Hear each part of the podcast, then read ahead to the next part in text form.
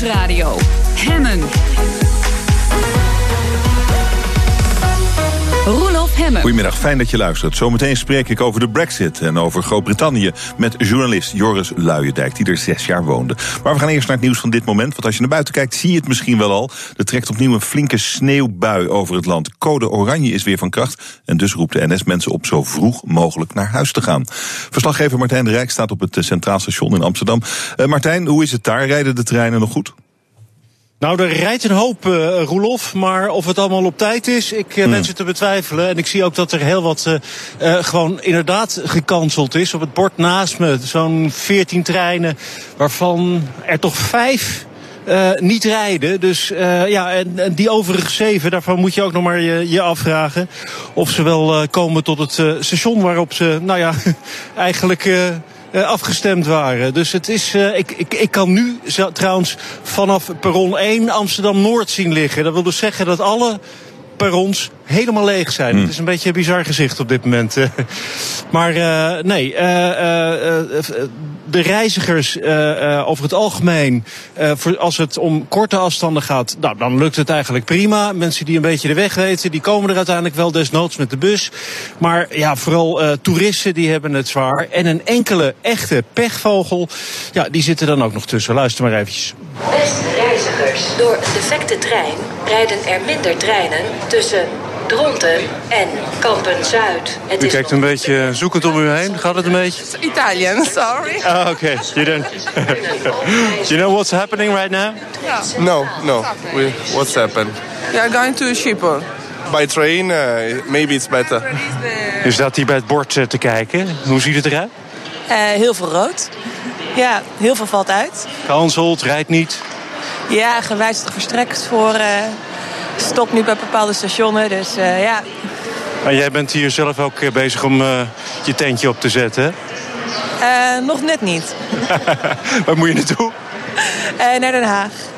Dat ga je halen vandaag? Dat ga ik wel halen, ja. Ik ga er wel wat langer over doen, maar uiteindelijk kom ik er wel. We only ride the final destination. We don't ride the, the intermediate stations. And I, need, I only need to do two stations, so they never ride mine. And I never know which one is mine.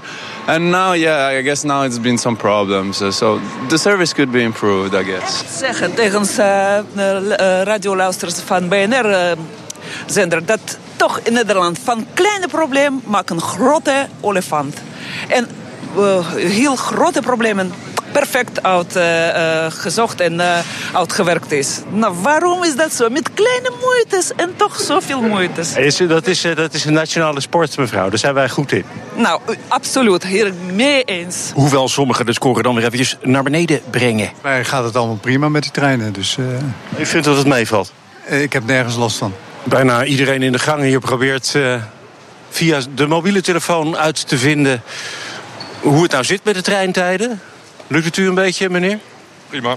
Prima. U gaat het halen vandaag? Ja, geen probleem. Door meerdere verstoringen rijden er geen treinen van en naar Zaandam. Ik ben eigenlijk nog steeds op zoek of op weg naar het werk. Maar hoe, laat bent u dan, hoe laat bent u dan vertrokken? Half acht. Nee. Ja. Maar waar, waar, waar werkt u dan? ja, Zaanse Schans. Oh ja, daar rijden geen treinen naar Zaandam. Ja. Nee, en ook niet vanaf Uitgeest. Dus Zaandam is verstoken van de buitenwereld. Zo. Ja, zo. En nu? Nu naar huis, snipperen, ijsvrij. I'm going just as far as Leiden, so... It's not too far? Not too bad, no. It's not like I have to get to Berlin or a long distance. Well, Den Helder could be about as far away as Berlin is. Yes, to anybody taking a journey in this weather, it can feel that far. Houdt u rekening met een langere reistijd, vaker overstappen en drukkere treinen. Ja, Martijn, wat een ellende zeg. Uh, wat is verder de, hoe gaat het verder vandaag? Ja, nou ja, ik heb slecht nieuws voor die Italianen die op weg waren naar Schiphol. Want de KLM in ieder geval, als ze daarmee vliegen... Ja, laten we eerlijk zijn, waarschijnlijk ook wel veel meer andere luchtvaartmaatschappijen. Die hebben voor de tweede helft van de dag echt heel veel vlieg, vluchten gecanceld. Dus uh, met name in Europa zal het daar wel een beetje lastig wachten... en misschien wel helemaal niet vliegen. de NS die waarschuwt ondertussen dat iedereen zo vroeg mogelijk moet vertrekken... want er komt dus nog zo'n enorm eh, sneeuwveld eh, deze kant uit. Eh, ga dus op tijd van huis. En dan rijden we op de A2 bijvoorbeeld. Rijden we op dit moment al stapvoets. En dan heb ik het over het stuk helemaal in het zuiden. van Maastricht naar, naar Eindhoven. Ja, daar hebben ze de, de, de, de herrie al over de vloer. Dus nou ja, laten we ons gek maken. Dat mag je zelf weten. Dat, eh, Je hebt wel je best gedaan. Martijn de Rijk vanaf Centraal Station in Amsterdam. Dankjewel. BNR Nieuwsradio. Dit wordt geen gesprek over Michelin sterrenrestaurants, terwijl die wel vandaag worden uitgereikt, zo ongeveer op dit moment. We gaan kijken naar andere restaurants, ook een beetje natuurlijk naar die sterrenrestaurants. Jonneke de Zeel van Mooncake is bij me. Lekker muziekje meegenomen. Ja, We gaan er even goed voor zitten. Ja. Want jij weet waar je heen moet voor de fijnste dinerervaring. En de vraag is of dat nou per se een sterrenrestaurant moet zijn. Wat denk jij? Nou, ik denk dus van niet. Eigenlijk, ik merk. Juist niet. Nou ja, wat mij betreft niet. Ik merk eigenlijk altijd dat ehm, de gerechten die op mijn culinair, culinaire harde schijf komen te staan, dat dat geen sterrengerechten zijn. Hmm. Maar eigenlijk, eh, ja, de gerechten die ik echt kan craven, zeg maar, die komen niet van sterrenrestaurants. Die vergeet ik altijd vrij snel. Nou, een voorbeeld is ehm, in, nou, in Amsterdam West zit bijvoorbeeld een, eh, een Marokkaanse patisserie en die eh, maken hele goede bestilla. Ehm, ja, er zit aan de bovenkant een, een laagje eh, ge- gehakte nootjes met kaneel er doorheen. En dat is echt iets wat, wat eens in de zoveel tijd weer in mijn hoofd opkomt. Van ik moet nu naar West om daar die, die bestilla te gaan halen. Maar jij zit natuurlijk heel vaak. Jij, bent gek op de keuken van het Midden-Oosten, hè, toch? Ja, klopt. Eh, maar je gaat natuurlijk ook naar sterrenrestaurants. Ja, kom ik ook wel. Ja. Ja, maar niet, niet omdat je het graag wil. Nee, echt met eh, heel veel tegenzin. Nee. Nou, echt waar? Nee, Nee, nee, kom nee, op. nee, helemaal niet. Nee, ik, nee, ik bedoel, eh, dat, daar ga ik ook met plezier naartoe. En ik, ik zie ook hè, wat voor, voor moeite. En, en in een aantal gevallen is daar ook heel veel, veel energie en, eh, en passie in gegaan. Dat zie ik Mm. ook wel. Maar ik ja, zoek toch altijd naar iets andere dingen of zo. Maar wat, wat is nou voor jou de ideale restaurantervaring? Be- Beschrijf eens zo'n. Je had het net over, over die, die Marokkaanse patissier. Maar je gaat naar een restaurant en wat wil je dan? Wat verwacht je dan? Nou, ik heb laatst een eh, hele leuke ontdekking gedaan in Giesbeek. En dat ligt vlakbij Arnhem. En eh, daar ligt eigenlijk midden in een woonwijk een, een partycentrum. En eh, het ziet er ook echt uit als een partycentrum. En aan de eh, buitenkant hangen ook borden. En daar staat dan bijvoorbeeld eh, koffie, thee, tosti, ehm, appelgebak. Hè? De- ja, als je dus een fietstocht maakt en je bent een babyboomer, dan ga je daar even stoppen. Zo ziet het eruit. Aha. En ik ben naar, naar binnen gestapt. En, eh, Waarom? Naar de, ja, omdat ik op zoek was naar verborgen parels. En ik, en ik, eh, ik had, ik- ja, ik, ik, ik wist dat daar een Pools restaurant zat. Maar ik kwam daar aan en ik dacht van, zit hier dan dat Pools restaurant? Toen ben ik naar binnen gegaan en daar zit dus eh, restaurant Klein Zakopane. En ja, Zakopane is een, eh, ja, een heel charmant bergdorpje in Polen, een, een wintersportoord. En als je daar binnen stapt, zit je ook eigenlijk in zo'n typisch Zakopaanse skihut. En het eten is daar echt ontzettend lekker. De eigenaresse is zo ontzettend aardig en gastvrij. Dus dat, ja, dat vind ik dan heel cool. Weet je wel, om zoiets verrassends eh, te ontdekken. Maar eh, toch, eh, die, die sterrenkoks die willen ook verrassen. Die willen ook gastvrij zijn. Die willen ook een waanzinnige locatiebeleving aanbieden. Ja. Die willen dat allemaal ook. En toch zeg je, ik ga eigenlijk liever niet naar een sterrenrestaurant. Nou, liever niet, wil ik niet zeggen hoor. Oh, nou, maar wat is... Nee, wat, wat, maar waarom, ja, waarom Wa- ik wat is dit, daar anders? dit juist doe? Ja, wat anders is, nou ja, ik, ik bedoel, ik heb niet alle sterrenrestaurants natuurlijk uitgeprobeerd. Maar wat Hmm. over het algemeen mijn ervaring is, is dat zo'n plek als eh Klein Zakopane, dat is echt een plek met een ziel. Weet je wel, dat is echt een, daar, de, de eh, vrouw die daar met de scepter zwaait, die eh, ja, heeft eigenlijk geprobeerd om haar herinnering aan Zakopane neer te zetten in een restaurant. En dat doet zij op een bepaalde manier. En alleen zij had dat zo kunnen doen. En wat ik vaak zie bij de echt wat chicere restaurants, is toch.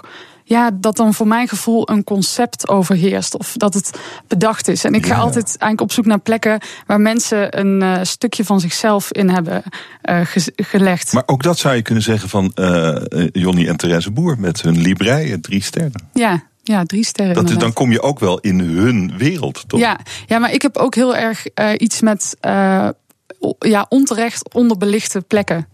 Dus plekken waar uh, ja, vaak toch ja, waar de mainstream media over het algemeen minder aandacht aan besteedt. En die niet voorkomen als, als de hotspot. Of terwijl ze wel echt iets iets heel authentieks bieden en echt iets ja, wezenlijks toevoegen aan het uh, culinaire landschap in Nederland. Je houdt ons daarover regelmatig op de hoogte hier in dit programma. En het zijn altijd verrassingen, pareltjes, verborgen pareltjes, zoals je ze noemt. Um, maar uh, hoe vind je die verborgen pareltjes? Als jij er nou niet bent, hoe vind ik dan een verborgen pareltje? Ja, heel, heel goed zoeken. Ja. ik ga echt nu ja, eens in de week of eens in de twee weken gewoon een hele dag naar een, een andere stad. Dus naar twee weken geleden naar Maastricht, vorige week naar Groningen uh, en laatst naar Arnhem, weet je wel, een omgeving. En dan ga ik gewoon daar in de buurt rondrijden. En uh, ga ik stap Zomaar, ik allerlei. Random. Ja, en dan stap ik allerlei zaken en plekken binnen. En ik spreek heel veel verschillende mensen, ook uh, met verschillende culturele achtergronden. En ik vraag aan hun van waar, ja, waar moet ik eten of waar moet ik volgens jou geweest zijn. Hm. En ja, dan op een gegeven moment krijg je dus tips en dan ga je een keer langs. En soms is het ook gewoon dat je zelf iets ziet en dat je denkt, hè, wat, wat is dit nou? Of wat, en wat, beschrijf zo'n geval, want wat maakt, wat maakt dat in jou los? Wat moet je dan zien? Um, ja, wat, je bedoelt wat ik wil laten ja, zien? Nee, als, je, nee, als je, je, je rijdt ergens door een stad of een dorp. En je denkt, ja, daar moet ik naar binnen. Ja, wat is oh dat dan, ja, dat, je, dan dat, is. je, dat je aantrekt? Um, ja, dat het er vaak dat je, nou, dat je het ziet en je vaak ziet het er misschien wat uh, niet echt spectaculair uit of zo. Of, of heel, het ziet er niet uit als iets waar je zo makkelijk naar binnen zou stappen. Um, dus, dus je hebt natuurlijk vaak veel plekken, ook als je kijkt naar de horeca in Amsterdam, die zien er hartstikke mooi en goed ingericht uit. Dus dat is gewoon makkelijk om naar binnen te stappen. Dan denk je niet van, oeh, waar kom ik nu binnen over het algemeen.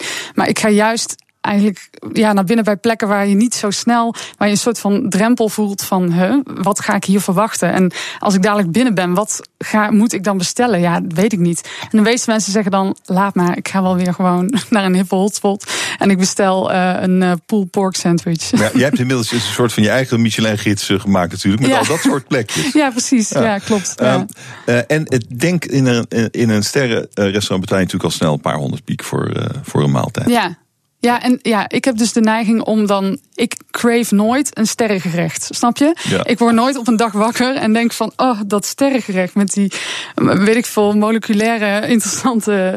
Uh, weet ik met die saus en dat erop. En dat ja, hele ingewikkelde of zo. Ik word nooit wakker en denk van. Oh. Hmm.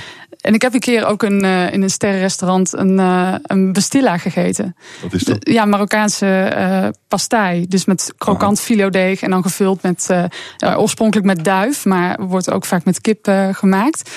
Um, maar die, die Bastilla van uh, Patisserie Ves in uh, de Klerkstraat, ja, die zit op mijn culinaire harde schijf, snap je? Leuk. Dus dat, ja, ja het is ook iets, iets persoonlijks, denk ik. Nou, kijk ondertussen even. We hebben nog, ja. uh, ze hebben nog niks laten horen van Michelin. We weten oh, het nog niet. Nou, okay. komt later wel. Ja. En jij vindt het sowieso niet interessant. Dankjewel, foodblogger Jonneke de Zeel van mooncake.nl. Dankjewel. De rijdende rechter, maar dan in het echt. In Noord-Nederland wordt ermee geëxperimenteerd en het is nu al een succes. BNR Nieuwsradio. Hemmen. Trending. Trending vandaag is een experiment in Noord-Nederland, de spreekuurrechter. Een rechter die bijvoorbeeld bij mensen thuis komt om ter plekke burenruzies op te lossen. Is eenvoudig en bovendien goedkoper dan een heel proces in de rechtbank. Ton Lennarts is al 32 jaar rechter en de bedenker van dit project. Goedemiddag, meneer Lennarts. Dag meneer. Hoe bent u op dat idee gekomen? Um, primair eigen ervaring in vele rechtszaken waarbij je uh, het niet openlijk kunt zeggen, maar wel regelmatig denkt, terwijl partijen staan te praten, ja, uh, kan dit niet veel beter, kan het niet sneller?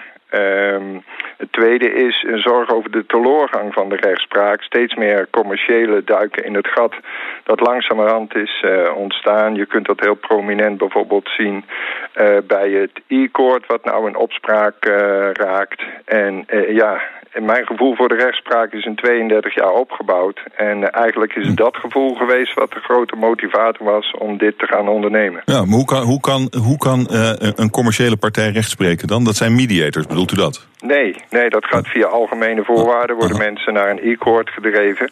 En eh, ja, dat is dan, eh, in naam is dat arbitrage. Maar ik zal u het verhaal besparen. Er is heel veel over te doen. U vindt het en er niks. zijn ook heel veel zorgen over binnen de rechtspraak. Oké, nou, dat is een ander onderwerp. Laten we teruggaan naar eh, eh, de, de rechter op locatie, de spreekuurrechter. Eh, want voor wat voor zaken? Burenruzies noemde ik. Wat, wat komt u tegen waarvan u denkt, ja, dit, dit, dit moet niet in de rechtbank, dit moet niet een heel proces zijn? Nou, in de eerste plaats, eh, ik heb het eh, bedacht, geïnitieerd en grotendeels tot de uitvoering gebracht. Maar ik doe die zaken zelf niet. Hè? Dus ik observeer ze. Ik heb 120 interviews achter de rug.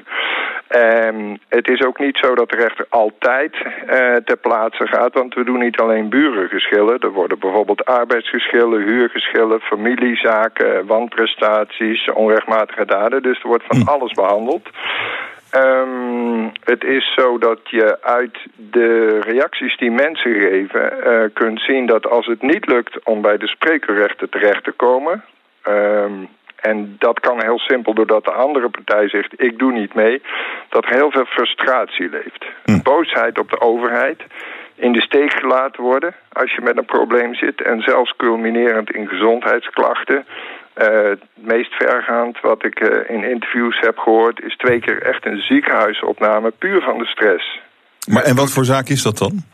Eh, in die ene zaak was het een aangenomen werk door een aannemer. Dat zou niet goed zijn gegaan. Er is iemand in het ziekenhuis geraakt met de ambulance naartoe. En in de andere zaak was het inderdaad een burengeschil. En is het tijdens een vakantie in Polen ja, tot een culminatie gekomen van eh, ja, spanningen bij iemand zelf. Ook leidend tot een ziekenhuisopname. Het doet heel veel met je. Hè? Als je met een probleem zit, een, iets wat maar niet opgelost wordt. Want het duurt allemaal ontzettend lang. Maar dan kan je ook naar de rechter gaan, toch? Eh, als u voldoende geld Nou, heeft, wel, ja. Ja, en dit, dat is ook een belangrijk verschil. want Die spreekuurrechter is niet zo duur. Nee, je betaalt 39 euro. Bedrijven betalen wat meer. Want je moet niet vergeten, de meeste zaken zijn met bedrijven. Hè? Het is niet alleen maar buren, maar er zijn heel veel bedrijven geweest. Kleinere bedrijven, ook middelgroot. En ehm, ja, je moet het wel dan zelf je verhaal vertellen. Heel veel mensen kunnen dat ook prima. En de rechter die is gewoon de deskundige zoals een huisarts. Daar vandaar ook de naam spreekuur. U moet het zo zien dat u natuurlijk geen medische kennis hoeft te hebben om naar de huisarts te gaan. Je hoeft dus ook geen wetskennis te hebben om naar eh, deze rechter toe te gaan. Hm. En die rechter die eh, velt dan een oordeel en dat is ook meteen het vonnis en daar houden beide partijen zich aan. Mm, Ook dat ligt weer net anders. In, eh, er zijn in vier zaken zijn er vonnissen gewezen... omdat partijen er onderling niet uitkwamen... nadat de rechter zelf had laten merken hoe hij erover denkt. Dus het model moet u zo zien dat je eigenlijk je verhaal gaat vertellen... dat de rechter ondertussen vragen stelt en opmerkingen maakt. En als je goed naar die rechter luistert, en de mensen doen dat echt wel... dan denk je, oké, zo zit het dus wat de rechter betreft in elkaar... Eh, als er een vonnis komt, dan zit ik wel of niet aan eh, de goede kant van het gelijk. En dat drijft mensen er weer toe, die zekerheid die ze dan krijgen, om dan toch te gaan kijken, kunnen we dan afspraak gaan maken hoe we dit conflict oplossen. En het bijzondere is dat dat in meer dan 90% van de zaken tot nu toe het geval is. Zo, dus, dus Extreem hoog percentage. ja, en dan is dit nog maar een proef tot mei 2018, Ja. als ik me niet vergis. Maar dan kan je eigenlijk zeggen, dit gaan we gewoon doen. Eh, de politiek pikt het ook al op. Ehm, ik schrijf daar ook zelf regelmatig over. eh, maar de politiek eh, pikt dit absoluut op. En de rechtspraak zelf is er ook mee bezig. En het is ook eigenlijk helemaal niet meer nodig om nog allerlei experimenten te gaan doen. Omdat er nu zoveel kennis is vergaard. dat je kunt zien wat werkt en wat niet werkt. Bovendien, dat wil ik er graag bij zeggen. Als je naar België kijkt. Er zijn nog 187 van die kleine kantoortjes met vrederechters. Oh ja, dat zouden wij ook kunnen doen, bedoelt u? Ja, dat hebben we ook ooit gehad. Hè? Dat is wegbezuinigd. Een slim idee, dank u wel voor uw verhaal. Ton Lennarts, eh, rechter in Noord-Nederland en de drijvende kracht achter de spreekuurrechter. Dank u zeer. Hemmen. Tech. Grote techbedrijven vechten elkaar de tent uit om de gunst van de consument. Maar de vraag is, worden wij daar beter van? Of zorgt het uiteindelijk voor een minder open internet?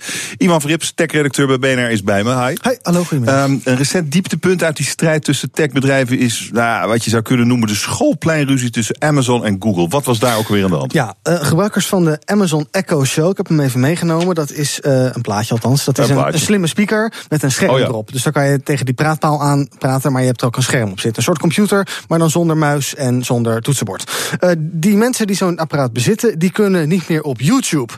En de reden voor die blokkade is uh, volgens Google, Google heeft dat geblokkeerd voor die gebruikers, dat Amazon eigenlijk een beetje stom doet. Want Amazon wil producten van Google niet verkopen in zijn webshop. Um, en ook maakt uh, Amazon hun videodienst niet beschikbaar voor Google-producten.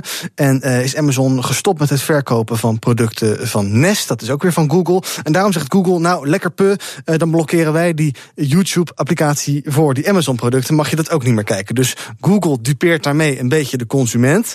Um, want ja, uh, YouTube staat toch bijna gelijk aan het internet. Dat kan je toch niet blokkeren. Aan de andere kant is het misschien ook wel een beetje kinderachtig van Amazon dat ze die Google-producten niet willen verkopen. En zich lekker focussen op het goed maken van hun eigen producten. In plaats van op die manier de concurrentie tegengaan. Dus uh, ja, Amazon trekt graag zijn eigen producten voor. Maar ja, hè, verkoop gewoon dat van je concurrenten ja. ook. En maak je eigen producten goed. Kortom, de consument is nu de dupe, de dupe, de dupe hierdoor. Nou ja, de, de, uh, ja oké. Okay, dus want uh, je kunt niet uh, alle diensten benutten als je met alle twee zaken wil doen eigenlijk. Maar dan kan je nog zeggen, ja, nou dat is dan gewoon de concurrentie. Ja. maar hier zit iets groters achter, denk ja. jij? Kijk, dit probleempje, dit wordt vast wel weer opgelost. We gaan vast wel -huh. weer erover ruzieën of overleggen en dat komt vast goed. Maar vroeger was natuurlijk Microsoft de koning in de techwereld. En toen kwamen er heel wat bedrijven bij en die hebben allemaal hun eigen tokootje. Hè. Google zit natuurlijk heel erg op de search van origine. Uh, Facebook doet sociale media. Amazon is e-commerce. Microsoft is misschien nog steeds wel de koning als het om Office gaat. Maar uh, die bedrijven die beginnen steeds meer op elkaars terreintje te, te werken. Google wil ook wat met sociale media gaan doen. Facebook gaat ook dingen verkopen en gaat dan misschien een beetje concurreren met Amazon. Amazon heeft zich ook meer verbreed. Je ziet, dit soort speakers nu opeens. En die strijd die speelt zich nu een beetje af rondom die slimme speaker.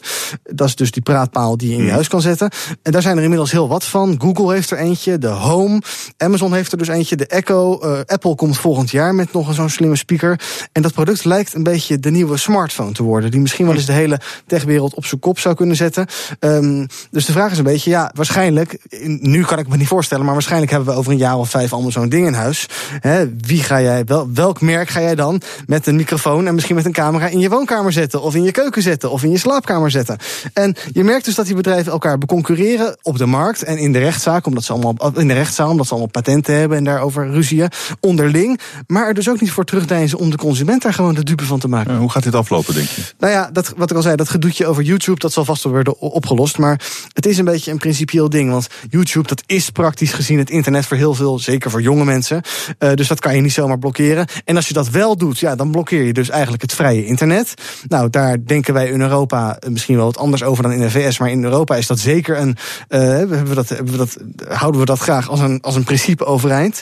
En ik ben heel benieuwd wie die slimme speakerstrijd gaat winnen. Want in Nederland zie je er nog niet zoveel. Simpelweg omdat je ze niet kan kopen. Maar vandaag heeft Amazon aangekondigd dat zij uh, hun slimme speaker in Nederland gaan verkopen. Amazon lijkt sowieso nu iets voorop te liggen in die strijd. Maar Google denkt ook nog wel dat ze kunnen winnen. Omdat ze vinden dat ze een veel slimmer product hebben. Dus we moeten een beetje opletten. Want kijk, op je telefoon kan je appjes installeren. Maar die, die slimme speaker die heeft bijna geen interface. Dus je kan niet allemaal apps op dat ding installeren. Je kan mm. er niet doorheen swipen. Je zegt gewoon, ja, speel YouTube. En dan gaat hij zelf maar bekijken uh, op welke app je dat doet. Dus daar moet je heel erg aan opletten.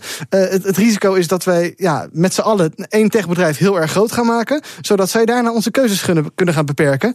En dat kan nog wel eens een heel boeiend onderwerp van gesprek worden de komende tijd om te blijven volgen. Gaan we niet willen, denk ik. Ivan Frips, dankjewel. BNR Nieuwsradio. Hemmen. Hemmen. Het was spannend tot de laatste minuut, maar de Britse premier Theresa May is er toch in geslaagd om op het laatste moment een deal te maken met de Europese Unie over de Brexit. Praat erover met het economenpanel. Bestaat vandaag uit Marieke Blom. Zij is hoofdeconoom bij ING. En Martin Visser is hier econoomjournalist bij de Financiële Telegraaf. Welkom, goedemiddag. Ja, goedemiddag. Goedemiddag. Uh, is hier nou, Martin, een uh, grote economische ramp afgewend waar iedereen voor waarschuwde als het niet lukt met, uh, met die Brexit? Nou, dat denk ik wel, ja. Oh. En ja, ja, tegelijkertijd is het maar de eerste fase. Maar blijkbaar, maar bijna de eerste fase was al misgegaan. Uh, ja, grofweg gaat het in twee stappen. En de eerste stap is hoe nemen we financieel afscheid van elkaar en een aantal andere landvoren. En pas de tweede stap is wat gaat onze nieuwe Mhm. relatie tot elkaar zijn. Dat wordt nog ook al heel erg ingewikkeld. En het ging in die eerste fase al, al, al bijna mis. Door, uh, ja, het is voortdurend door intern Britse, Britse gedoe. En of dat echt over is. Ja, de, de, de, de minister van Europese Zaken van het ook weer uitspraken gedaan over dat het allemaal onder voorbehoud is. En het rommelt zo ontzettend aan de Britse kant. Maar stel dat het inderdaad in deze fase al mis was gegaan. Ja, dan was een zogenaamde harde brexit onvermijdelijk. En dan is er eigenlijk geen deal. Dan ga je gewoon bad zo uit elkaar. Met alle economische gevolgen van dien. Nou, dat zou echt een heel slecht scenario zijn geweest voor de Britten. Maar ook voor ons. Dat, dat is nu voorkomen, mevrouw Blom. Maar het zag er wel uit alsof het nooit zou gaan lukken. Ja, zo zag het eruit. Maar natuurlijk, uiteindelijk is er ook. Wat we volgens mij zien, is dat de Britten in stapjes steeds realistischer worden. Dus die zijn begonnen met een hele land te vertellen: van nou, wij hoeven geen enkele concessies, concessie te doen. We kunnen gewoon weer de controle nemen, de macht nemen. En we kunnen uh, wel vrijhandel blijven doen. En misschien ook wel uh, diensten uh, blijven doen met Europa. En uh, heel langzamerhand moeten ze toch concessies doen. En zie je dat op de meeste terreinen ze ook uitkomen waar van tevoren iedereen had gezegd: daar gaat het uitkomen, want dat lijkt op wat de Europese Unie wil. Dus bijvoorbeeld ja. over hoeveel geld moeten ze nou betalen. Um, van tevoren had Europa gezegd ongeveer 60 miljard euro die kant gaat het wel op. De Britten zeiden nee, we gaan helemaal niks betalen. En nu is het gevoel van nou, ergens tussen de 40 en 60 miljard euro zal het eindigen. Maar het zou best wel eens 55 miljard kunnen zijn. Dus ze komen heel langzamerhand komen ze die kant op. Het zijn noodzakelijke stapjes om er samen uit te komen. Ja, ze vallen, ze, ze, ze vallen hard van hun roze wolk na die brexit. Precies, nou, het, en het interessante ja. is dat het er, tenminste zo lees ik het in de pers een beetje, dat de Britten nu tegen elkaar zeggen dat ze het heel goed aan het doen zijn. Dat ze daar Ja. ook heel tevreden over zijn. En dat Europa de Britten ook wel, en mee dus eigenlijk ook wel de ruimte lijkt te geven om die victorie te claimen. En ik dacht, als je nou twee partijen met elkaar zi- ziet onderhandelen. en je ziet daarna er eentje uitkomen en zeggen: Ik heb het heel goed gedaan. en de ander heel genereus zeggen: van nou inderdaad, ze hebben best wel wat concessies uh, uh, gekregen van ons. Dan is het misschien eigenlijk omgekeerd het geval. Dus dan Uh-uh. hebben de Britten eigenlijk best wel wat concessies gedaan. Ja, zo, zo lees ik het. Helemaal niet zo'n goede deal eigenlijk voor de Britten. Maar wat, Nou ja, wat zou een is- goede deal geweest zijn? Nee, ja, goed. En dat is natuurlijk de praktijk. Dat het voor de Britten niet realistisch was om te zeggen van we krijgen het helemaal op onze manier. En wat er goed aan is, is dat ze nu zeggen van nou in ieder geval op handel gaan we met elkaar door waarschijnlijk zoals het altijd gegaan is. En dat betekent wel dat de Britten zullen moeten zeggen we houden ons dan ook aan alle regelgeving die binnen de EU geldt op het gebied van de handel in goederen. Dus ze hebben geen vrijheid om daar hun eigen regels te bepalen. Maar dan kunnen ze wel inderdaad goederen, goederenhandel redelijk zonder fricties blijven doen. En dat is wel belangrijk voor de Britten. Ja. En dat is ook belangrijk voor Europa. Ja, dus dat, dat is goed. Maar we weten nog niet helemaal, Martin, we weten nog niet helemaal precies wat, uh, wat de deal nou behelst. De uitwerking van de deal, die weten Nee, we nog niet. Zeker. En het is, het is, A, het is die eerste fase. En het is, op, op hoofdlijnen zijn er afspraken gemaakt. Ik moet ook eerlijk bekennen dat het inmiddels zo ingewikkeld is. Uh, zo heel inhoudelijk als ook politiek in, in, het, in het Verenigd Koninkrijk. Dat het best wel lastig is uh, vanaf afstand dat, dat Hmm. echt precies te beoordelen. Je ziet inderdaad wel, ik vind het wel leuk dat, uh, wat, wat Marieke ook zegt. Van, uh, uh, ja, als je elkaar in de publiciteit ook een beetje, een beetje ruimte gunt. Dan is maar, en de, de vraag wie de beste deal heeft. Barnier maakt in dat opzicht, de EU onder andere, nog wel een vilijne opmerking. Uh, toen nog gevraagd werd van ja, wat heeft de EU nou toegegeven? En toen zei hij nou, de Britten hoeven niet te betalen voor die instellingen die we gaan wegverhuizen uit, uh, uit het Verenigd Koninkrijk. Dus het tekent wel een beetje verhoudingen. Het is natuurlijk ook zo, deze eerste fase is voor de Britten ingewikkelder. Want ze zijn echt de vragende partij. Uh, want bedoel, de, de, de, de, de consequenties van een harde brexit zijn uiteindelijk voor het Verenigd Koninkrijk groter dan voor Europa. Het is voor allebei niet fijn. Maar voor het Verenigd Koninkrijk, die wil natuurlijk gewoon, dit is hun ticket naar de exit, zeg maar. Maar nu komt fase 2 en dan moet je gaan uitonderhandelen, hoe, hoe, hoe verhouden we ons nou tot elkaar? Wat doen we met alle verschillende aspecten van de handel?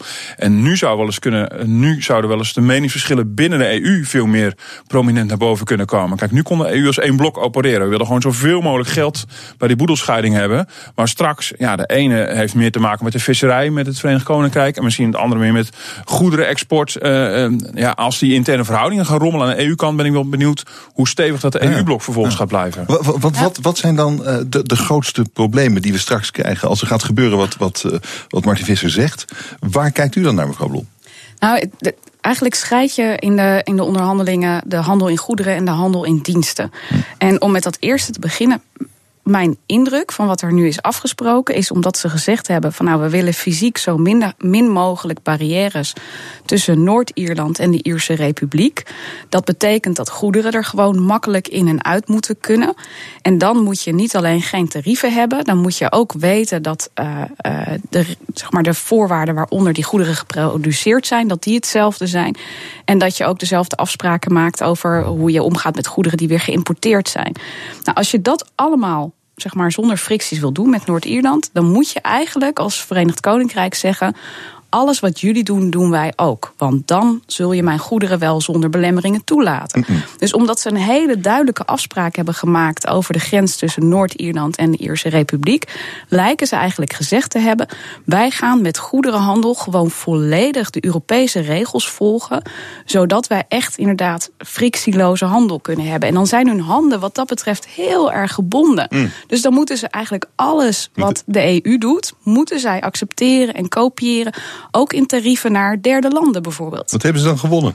Op, nou, dit, op, het, op dit stuk op niks. het gebied van goederen hebben zij ook eigenlijk altijd gezegd van ja, maar dat willen we Mm. wel heel graag in stand houden. Nou, dan krijg je vervolgens, tweede deel, Mhm. diensten en mensen. Ja. En dat zit heel dicht aan elkaar vast. En daar wordt het het allerspannendste. Ja, want want, want daar ging het om.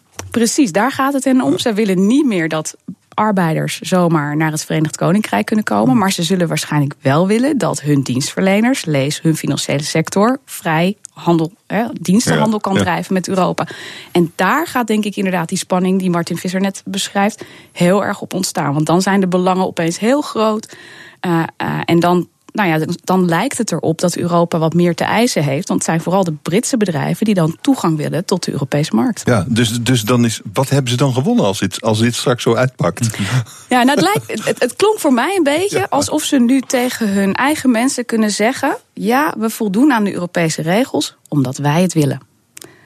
He, het is niet omdat het de Europese regels zijn, maar het is omdat we zelf hebben besloten dat we eraan willen voldoen. Omdat het in ons voordeel is. Ja, dat is een beetje Zo- de minimale definitie van autonomie is dat. Juist, ja. Maar ik, ik kan me voorstellen dat in Brits sentiment absoluut een eh, rol speelt. Kijk, ik bedoel, zij ondervinden natuurlijk ook wat, wat enorme nadelen zij potentieel allemaal gaan krijgen.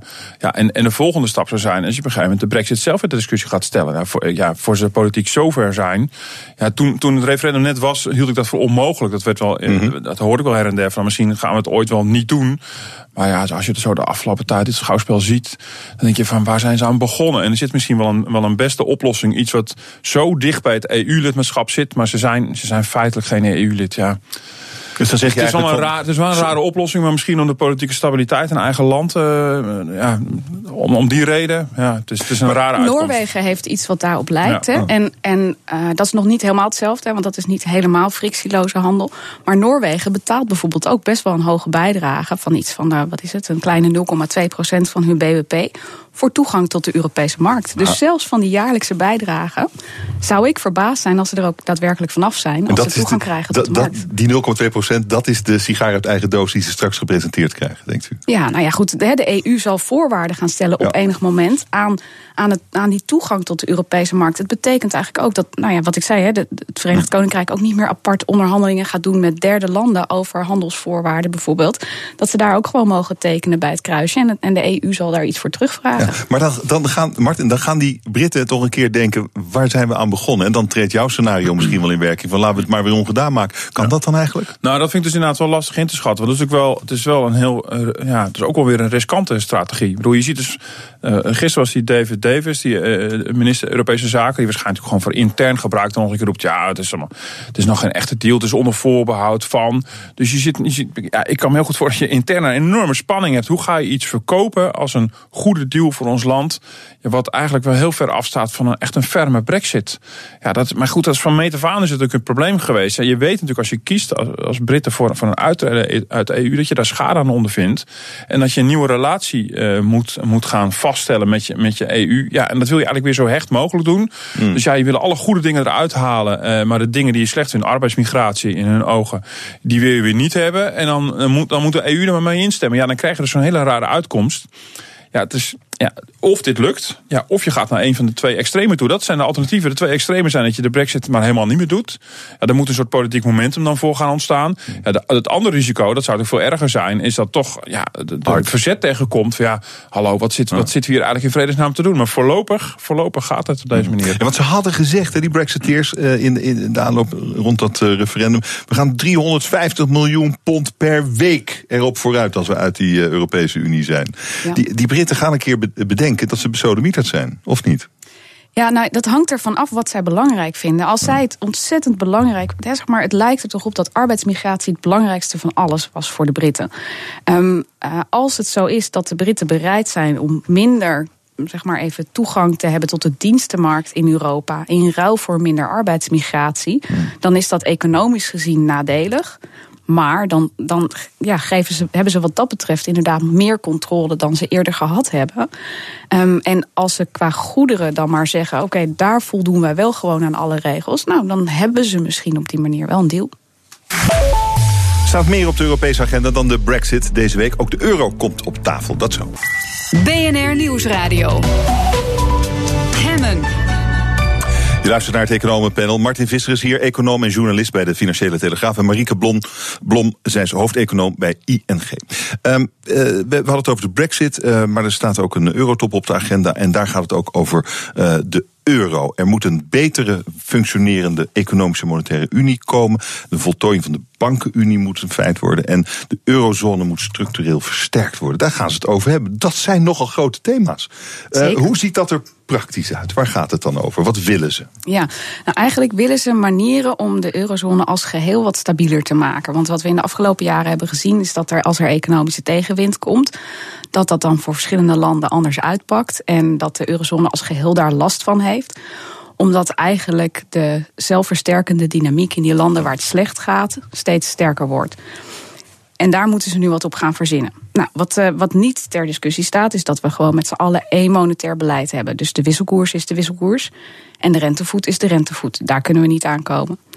Wat ook niet ter discussie staat, zijn de begrotingsafspraken. Dus uh, 3% blijft de harde grens mm. van 3%. En dat betekent dat landen dus ook niet zo heel veel vrijheid hebben op het moment dat het niet goed gaat met hun economie, om via de begroting dat te compenseren. Dan moet je op zoek gaan naar andere manieren om te voorkomen dat als het slecht gaat in een van die landen, dat het eigenlijk nog eens een keer extra slecht gaat, omdat het geen compensatiemechanisme heeft bij zijn eigen overheid. En dan kan je zeggen, nou, dan gaan we dat via de banken doen bijvoorbeeld. Dan koppelen we eigenlijk binnen Europa alle banken aan elkaar. En als het dan misgaat in één land, dan zitten die aan elkaar vastgeklonken. Dus dan kan niet één land helemaal uit het lood slaan ten opzichte van die andere landen. Dat is één ding waar ze over gaan praten. Een ander ding waar ze over gaan praten is: is het nou wel of niet zinnig om dan ook voor overheden te zorgen dat je een vorm van of gemeenschappelijke financiering hebt, of bijvoorbeeld van overdrachten tussen Europa en het land waar het dan minder goed in gaat, zodat je langs die weg de economie een beetje kan stabiliseren. Fiscaal. Ja, dan wordt via de begroting. Ja, dan wordt het al vrij snel uh, eng. Nou, dat vinden we in Nederland vinden we dat heel eng. Ja, want we zijn ja, heel bang dat het dan voortdurend over andere landen gaat. En dat wij maar daar dan dat heel veel een goed idee is. last van gaan hebben. Nou, wat ik denk is dat we in Nederland ook heel veel last ervan hebben als Europa heel instabiel blijft. Omdat dat uiteindelijk ook de landen zijn waarmee we handel drijven. Uh, omdat dat ook de landen zijn waar we financieel mee verbonden zijn. Hè, bijvoorbeeld omdat we er veel geld in geïnvesteerd hebben. Dus ik denk dat als je als Nederland verder wilt, hè, verder moet ook haast in Europa, want we zitten daar nu eenmaal in. Dat je dan je wel moet realiseren dat het handig is om stabilisatiemechanismen uh, ja. te gaan doen. Maar, maar dan zijn we zo'n stukje verwijderd van een uh, Europese minister van Financiën en Europese belastingen. Nou ja, goed. Ja, dat, dat is één van de manieren om daarmee om te gaan. En, en ik zou zeggen dat als je een stabielere Europa wilt, wat volgens mij in het voordeel Aha. is van Nederland, dat je ook moet accepteren dat er een stabilisatiemechanisme moet komen. En dat het kan zijn dat dat soms in het nadeel is van Nederland. Maar over het algemeen is zo'n stabielere eurozone in het voordeel van Nederland. Oké, okay, ben jij er ook voor, Martin? Absoluut niet. Nee. Oké. Okay. Nee. Okay, nee, waar ben je precies uh, tegen? Nou ja, ongeveer alles wat ik hier net hoor. Kijk, ik ben er theoretisch mee eens dat je als je een gezamenlijke muntunie hebt, dat je op een gegeven moment ook aan elkaar verbonden bent en dat je behoeft, dat je belang hebt bij die stabiliteit. Dus het is zeer de vraag of die stabiliteit gaat komen als Griekenland, Frankrijk, Italië en, en heel Zuid-Europa hun brandende huizen ons aanbieden. Zeg maar, verzeker het maar. Ga maar opdraaien voor alle slechte leningen van de banken. Ga maar opdraaien voor het slechte economische beleid in Zuid-Europa van de afgelopen decennia. Die landen hebben de boel nog niet op orde gebracht. Het ene land speelt het ene probleem, het andere land speelt het andere probleem. Ik doe een beetje generaliseren nu.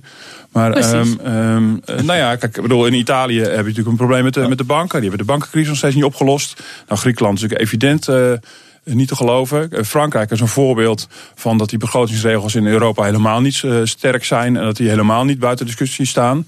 Eh, het blijkt dus, Fra- Frankrijk mag keer op keer op keer begrotingsregels eh, met voeten treden. En dat staan we allemaal toe. Dus terwijl Zuid-Europa de boel nog niet op orde heeft, gaan we de volgende stap maken. Namelijk eh, tegen Nederland, Duitsland en een aantal andere sterke landen zeggen: ga maar financieel garant staan voor de zorg van Zuid-Europa. Volgens mij, ja, misschien dat je dit in economische tekstboekjes rond kan breien. Maar politiek lijkt me dat op zijn minst heel gevaarlijk. En voor mij gaat het voor heel veel gedoe zorgen. Politieke instabiliteit. Is absoluut niet in het belang van Nederland. Nou ja, goed. Je kunt, je kunt zeggen van de huidige instituties laten we zo'n beetje zoals de huidige instituties zijn. Maar dan betekent het ook dat je doorgaat met een Europese eh, eh, project wat instabiel is van Ja, maar- nature. maar en daar dat- hebben wij gewoon last van Maar als is dat Nederlandse erger, economie. is dat erger dan het scenario dat Martin beschrijft? Nou, weet je wat? Ik, ik denk dat uiteindelijk moeten politici proberen om hier netjes het midden in te vinden. En dat gaat Europa ook doen. Hè, want de uitkomst gaat zijn dat we met hele kleine stapjes een beetje verbeteringen maken. En dat is dan, hè, wat Martin betreft, een beetje te veel. En wat mij betreft, een beetje te weinig. Dat is, dat, hè, zeg maar, dat is wat ik durf te zeggen als Ja, uitkomst. en zo worden we langzaam, de- langzaam gekookt eigenlijk. Nou ja, daar, daarmee vormen we uiteindelijk, denk ik, een stabiele eh, eurozone. Waar ook politiek draagvlak voor is bij de burgers. Maar het is En- geen oplossing voor de structurele economische problemen waar Zuid-Europa al heel erg lang mee kampt. En die ze blijkbaar weigeren op te lossen of niet kunnen oplossen. Ondanks de zogenaamde strenge regels die we in Brussel hebben. En als je zegt, nou oké, dat lukt dan op die manier niet. Weet je wat, dan laten we daar gewoon Noord-Europa financieel garant voor staan. Dan slaan we de boel een beetje plat. Eh, is, is de rust weer gekeerd. Maar daar worden die Zuid-Europese landen economisch natuurlijk niet sterker van. Nee, het, uit- uiteraard worden ze daar niet a priori sterker van. Maar je moet natuurlijk een set van afspraken met elkaar daarover maken. En wat je. Ik snap dat je eh, wil generaliseren en grote beelden neer wilt zetten. Maar uiteindelijk maken die landen natuurlijk wel degelijk stappen in de afgelopen jaren. Dus je ziet dat er bijvoorbeeld veel hervormd is. In Griekenland, in Spanje is veel hervormd. Zelfs in Italië is best veel hervormd. Hè. Niet zoveel als wij misschien zouden willen. Maar er is best veel hervormd. Dus die landen maken wel degelijk stappen dichter naar ons toe. Maar als wij niet bereid zijn om ze ook de ruimte te geven om zich te herstellen bij een crisis. Ja, dan hoe groot acht je dan de kans dat ze dichter bij ons komen? Hoe, hoe groot acht je dan, dan de kans dat ze meer op ons gaan lijken? Weet je, dan wordt het een soort van project van, van decennia. En in de tussentijd is het gewoon economisch, financieel, economisch heel erg instabiel. Ja. En nogmaals, daar hebben wij ook veel last van. Maar ik denk dat we ergens ingezogen worden. Uh, sinds de week eigenlijk wel zeker. Want je ziet alle plannen gaan maar één kant op. En dat is inderdaad uh, het mogelijk maken van allerlei transfers. Van sterke landen naar zwakke landen. Met als argument, ja, de ene, de ene keer is het ene land het zwakke land. De andere keer is het andere land. Je ziet dus een voorbeeld wordt aangegeven. Bijvoorbeeld Ierland, als die schade ondervindt van de brexit. Dat is nou een typisch voorbeeld waar dan Europees geld naartoe zou kunnen. Ja, dat, dat, dat klinkt dan nog wel, sympathiek. Maar in de praktijk zie je natuurlijk dat het voortdurend dezelfde landen zijn. Die gewoon economisch achterblijven. Die, die het langdurig moeilijk hebben. Natuurlijk heeft Nederland ook wel eens een dip. De, onze crisis eh, heeft ook fors ingehakt. Duitsland heeft zijn klap gehad naar de hereniging. Uh, natuurlijk, dat komt ook voor. Maar structureel zie je het voortdurend dezelfde landen. Dat zijn de landen die nu, nu nog steeds niet de boel op orde hebben. Terwijl misschien mogelijk, als je kijkt naar de conjunctuur, misschien wel weer een keer een volgende recessie aan gaat komen. Daar is Frankrijk nog helemaal niet klaar voor, Italië nog helemaal niet klaar voor. En op dit moment ga je dan vragen van nou, stel je maar financieel garant voor die landen. Het is een beetje lid, uh, dat je ze lid gaat maken voor, van een club terwijl ze nog niet voldoen aan de criteria. Dat gevoel ik erbij. Voldoen nou eerst nog gewoon eens aan de criteria en dan praten we alweer verder. Maar dan is de vraag natuurlijk wel heel erg wat je voor de tussenliggende periode voorstelt. Want, want Handhaven hè, van de regels die er zijn, ik, dat gebeurt ik, gewoon niet. Ik zie heel veel mensen die eigenlijk hierop reageren vanuit het gevoel van ja, maar we hadden die euro eigenlijk überhaupt nooit willen hebben. Hmm. En ik snap dat gevoel wel hoor. Ik bedoel, ik toen ik nog studeerde, werd mij ook door alle uh, professoren uitgelegd dat dat theoretisch helemaal niet handig was om één muntunie uh, te doen voor een gebied wat zo Omdat verschillend er, was. Dan zou gebeuren wat er nu gebeurt. Precies, ja. ja. nee, dus, ik, dus, dus dat gevoel begrijp ik wel heel erg. Maar het, het punt waar we be beginnen is natuurlijk bij het punt dat die euro er is. En dan, dan begrijp ik alle sentimenten die Martin Visser net noemt. Maar dan denk ik tegelijkertijd ook, ja, maar vanaf hier moeten we dus wel stappen gaan maken. En dan alleen maar zeggen van ja, maar nu moeten jullie het maar eens volgens de regels gaan doen. Tegelijkertijd, hè, een van de dingen die waar wij het in Nederland eigenlijk niet over willen hebben, is dat Nederland een land is wat een enorm exportoverschot heeft al jaren. En al enorm spaaroverschot heeft al jaren. En dat hebben wij ook omdat er andere landen zijn die bereid zijn geweest al tijdenlang om heel veel van ons te importeren. Dat is ook een onevenwichtigheid. Maar daar willen wij in Nederland natuurlijk helemaal niet op aangesproken worden. Want dan zeggen wij, ja, maar wij hebben gewoon hele goede Hmm. bedrijven. Het is logisch dat wij een exportoverschot hebben. Ja, hè, dan kan je wel zo beredeneren dat dat logisch is. Maar het kan niet dat iedereen dat doet. Niet alle landen kunnen tegelijkertijd een exportoverschot hebben. En wij zeggen, ons economisch model is wat dat betreft zaligmakend. Maar dat is niet een economisch model wat zou werken als iedereen het op die manier doet. Dus ik vind het. We doen het zo sterk vanuit ons eigen bril. En wij willen Europa maken zoals we eigenlijk zelf zijn, zoals we naar ons voorbeeld. Ik begrijp dat zeker ook qua politiek draagvlak, noem maar op. Maar ik denk dat het, dat het belangrijk is dat Nederland gaat erkennen. Wij hebben ook heel veel belang bij een stabiele eurozone. Echt direct voor onze mensen, voor onze consumenten, voor onze werknemers, voor onze bedrijven. Dus we zullen concessies moeten doen. Oké, ik wil ook nog even over iets anders met jullie spreken, als jullie het goed vinden. Namelijk het, uh, het rapport van het CPB.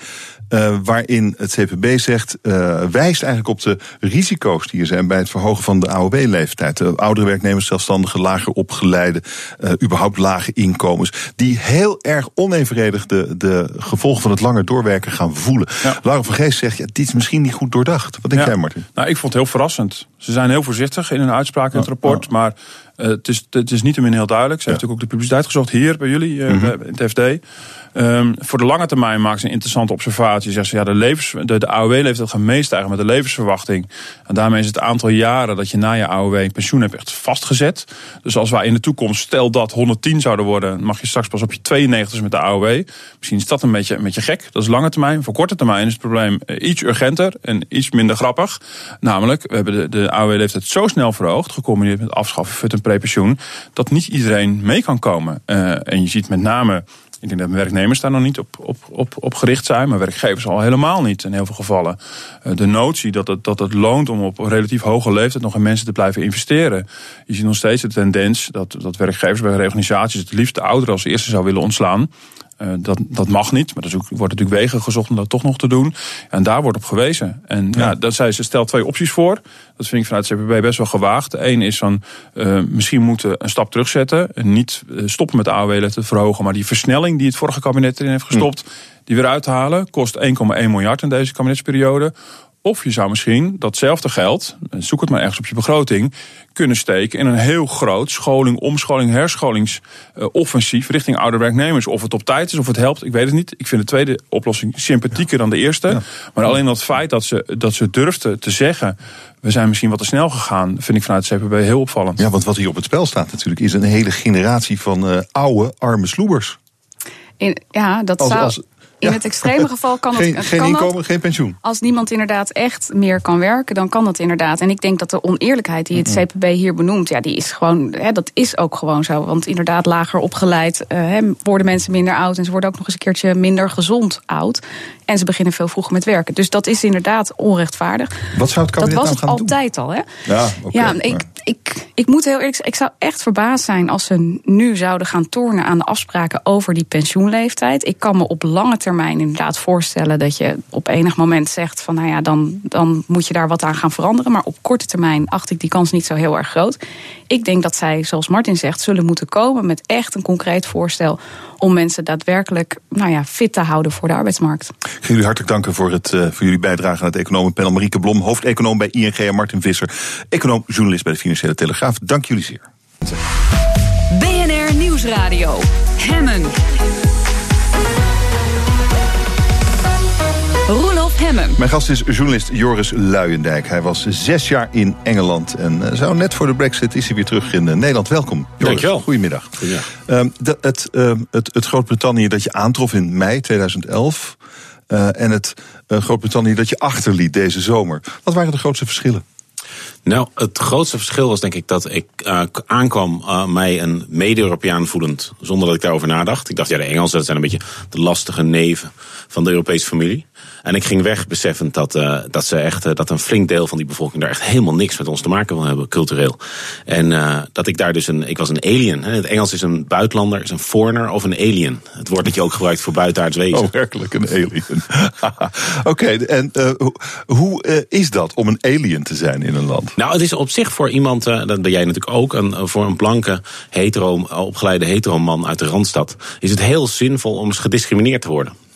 Want? Omdat je, dat heb je nog nooit meegemaakt. En dan besef je dus ook niet hoe het is om, als je dat een paar keer gebeurt, dus je zit in de tram, in de trein en je, ik was aan de telefoon in het Nederlands, ik hang op, ik sta op om uit te stappen en iemand zegt, wanneer ga jij weg? Nou ja. En dat hoeft maar een paar keer te gebeuren. En opeens al die andere mensen die in de tram zitten, ga je denken, zou die dat ook denken? Ze zeggen niks. En toen dacht ik, zo is het om allochtoon te zijn. Oké, en dat is je belangrijkste les van zes jaar eh, Groot-Brittannië. Dat is ook wat. Nou ja, op persoonlijke eh, dingen. Op, op eh, natuurlijk geopolitiek en economisch gebied. Ik denk dat wij ons decennia lang echt totaal hebben vergist in de Britten. Dat we hebben gedacht dat zij loyale, lastige, maar uiteindelijk loyale E- EU-medeleden waren. Terwijl ze alleen maar in de EU zaten om de EU van binnenuit te ondermijnen. En dat was ook nog steeds de bedoeling met het referendum. Het was helemaal niet de bedoeling dat ze het referendum, eh, dat de Leave zou winnen. De bedoeling was dat ze dus dat referendum zouden gebruiken om ons te chanteren. Wat ook is gelukt. Cameron, die toen premier was, die is naar Brussel gegaan. Die heeft gezegd, ik ga, mij, eh, ik ga het, het kamp van de Leave steunen. Tenzij jullie mij al deze dingen geven. En de EU was toen echt heel kwetsbaar. Met de Griekse crisis, terreur, vluchtelingen. Dus de EU heeft eh, Cameron heel wat gegeven. Ja, en toen kwam een grote miscalculatie. Dat spelletje wat ze met ons wilden spelen is gewoon mislukt. Doordat te veel mensen uh, al die hersenspoeling, die anti-EU-propaganda, uh, serieus namen. Maar wat een, uh, wat eigenlijk, wat een, ik laat het even bezinken. Ik denk, wat een treurige conclusie eigenlijk na, na zes jaar Groot-Brittannië. Ja, want ik was natuurlijk net als, denk ik, heel veel hoogopgeleiden Hmm. in Nederland. Echt een totale anglofiel. In de zin dat ik in mijn jeugd echt gevormd ben door, de, door Spitting Image en al die andere, die, die Young Ones. En al die fantastische. Favoriete bands waren Brits, zijn Brits. Uh, dus ik, ja, het, was, het is ook wel een beetje het verlies van. Uh, ik denk dat veel mensen die dit de, intensief volgen in continentaal Europa. op dit moment ook een soort. Ja, morning, hoe noem je dat? Uh, in, de, in een soort rouwproces Rauw, doormaken. Oh. Van, ja, van, ja, van okay, de, dat. Britten, dat. Groot-Brittannië, dat waar ik van hield. een vriend kwijt. Ja, dat Groot-Brittannië wat ik, waar ik van hield bestaat wel. Maar het is, het is net zo'n minderheid als in Nederland uh, de VPRO. Zeg maar, je hebt ze. Ja, ze stellen niks voor, maar je hebt ze. Is dat ook de reden dat je vertrokken bent? Nee, nee, nee. Want ik, ik, ik dacht altijd van wij. Uh, ik, ik ben een Nederlander, ik blijf een Nederlander. Ik, uh, nergens voel ik me meer op mijn gemak dan in Nederland. Dus ik kom op een gegeven moment terug. Ik was ook altijd een expat. Ik was nooit een immigrant. Je, um, je, hebt een uh, groot stuk geschreven in uh, Vrij Nederland over je terugkeer in Nederland en je vertrek uit Groot-Brittannië. En daarin maak je je ook echt boos. Uh, tenminste, zo lees ik het. Over toch het enorme klassenverschil. Het verschil in sociale standen. Ja, het is zo onrechtvaardig. En het is zo erg dat dus, uh, je hebt daar een privé scholensysteem. En de goede banen, twee derde van alle goede banen in Groot-Brittannië gaan naar de 7% kinderen die naar zo'n privéschool gaan. Dus twee derde van de banen naar 7% van de kinderen. En dan blijft er dus een derde van de goede banen over. En die gaan voor het grootste deel naar kinderen die dan weliswaar naar staatsscholen gingen. Maar die staatsscholen staan in de duurste wijken. En daar betaal je dus eigenlijk, uh, want daar mogen alleen kinderen naartoe uit die buurt, betaal je het schoolgeld via de hypotheek. Want die huizenprijzen die schieten omhoog op dat moment dat een school een goede naam heeft. Dus eigenlijk op je twaalfde zijn de dobbelstenen al gerold in, in Groot-Brittannië. En dat leidt dus tot een intense bitterheid bij mensen die je voor de rest bijna nooit ziet. Want nee. de mensen die allemaal van die privéscholen komen, die werken voor de BBC, de Financial Times, The Guardian, The Economist. Het soort Engelen, Stephen Fry, dat soort types. Dat, dat zijn de Engels waar wij zo van houden. Maar die zijn ondertussen onderdeel van een hele kleine en behoorlijk cynische elite. En um, uh, jij hebt ook te maken gehad met die, die andere mensen. Uh, die niet die goede opleiding hebben gehad, die dus ook niet die mooie banen hebben. En uh, dat zijn de mensen die zeggen: wanneer ga jij weg? Ja. Of niet? Ja. ja, ja hun, dus hun... het grootste deel van het land uh, is dan, en zijn, zijn dan uh, niet zulke hele vriendelijke, aardige, leuke mensen. Nou ja, ik, ik, dat is toch ook gek? Nou ja, ik vind het wel. Kijk, wat zo erg is, is dat hun terechte woede tegen Londen is de hele tijd tegen Brussel gericht.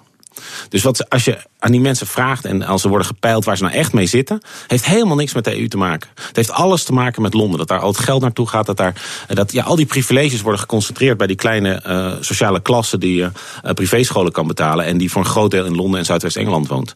Uh, maar ja, die mensen die worden al 30 jaar via de tabloids gehersenspoeld om te denken dat de grote vijand in Brussel woont. Nou is er echt een hoop mis met de EU. Daar hadden jullie net nog een hele goede discussie over. maar die goede argumenten tegen de EU kwamen bijna niet aan bod. Het was vooral van, ja, ze zetten de grenzen open. Ze, ze, het is een soort uh, groot chantagespel uh, waarbij ze ons uh, 350 miljoen per week af, aftroggelen. En als we eruit stappen, dan kunnen we alle voordelen houden van de EU, maar de nadelen hebben we niet meer. Het was echt, het waren lege, lege beloftes en leugens. Maar dan woon je daar met je gezin. Um, hoe, hoe, hoe, vinden je vrouw en je kinderen dat dan om daar te leven? Is dat, want ja, voor jou was het misschien een interessant onderzoeksobject als journalist. Maar als je daar echt woont om, nou ja, omdat je daar toevallig bent als kind of zo, hoe, ga, hoe gaan die kinderen daarmee om? Nou, kijk, ik, de, volgens mij is het wel zo dat die, die tabloids, uh, dat, dat filtert wel door. Dat, dat, dat, dat, want mensen lopen er toch iedere dag langs en dan heb je dan van die koppen. Bijvoorbeeld The Sun, dat is de grootste krant van het land. Op een zeker moment heeft Theresa May geprobeerd om de EU te chanteren door te zeggen: wij helpen niet meer mee met terreurbestrijding, tenzij jullie ons onze zin geven in de onderhandelingen.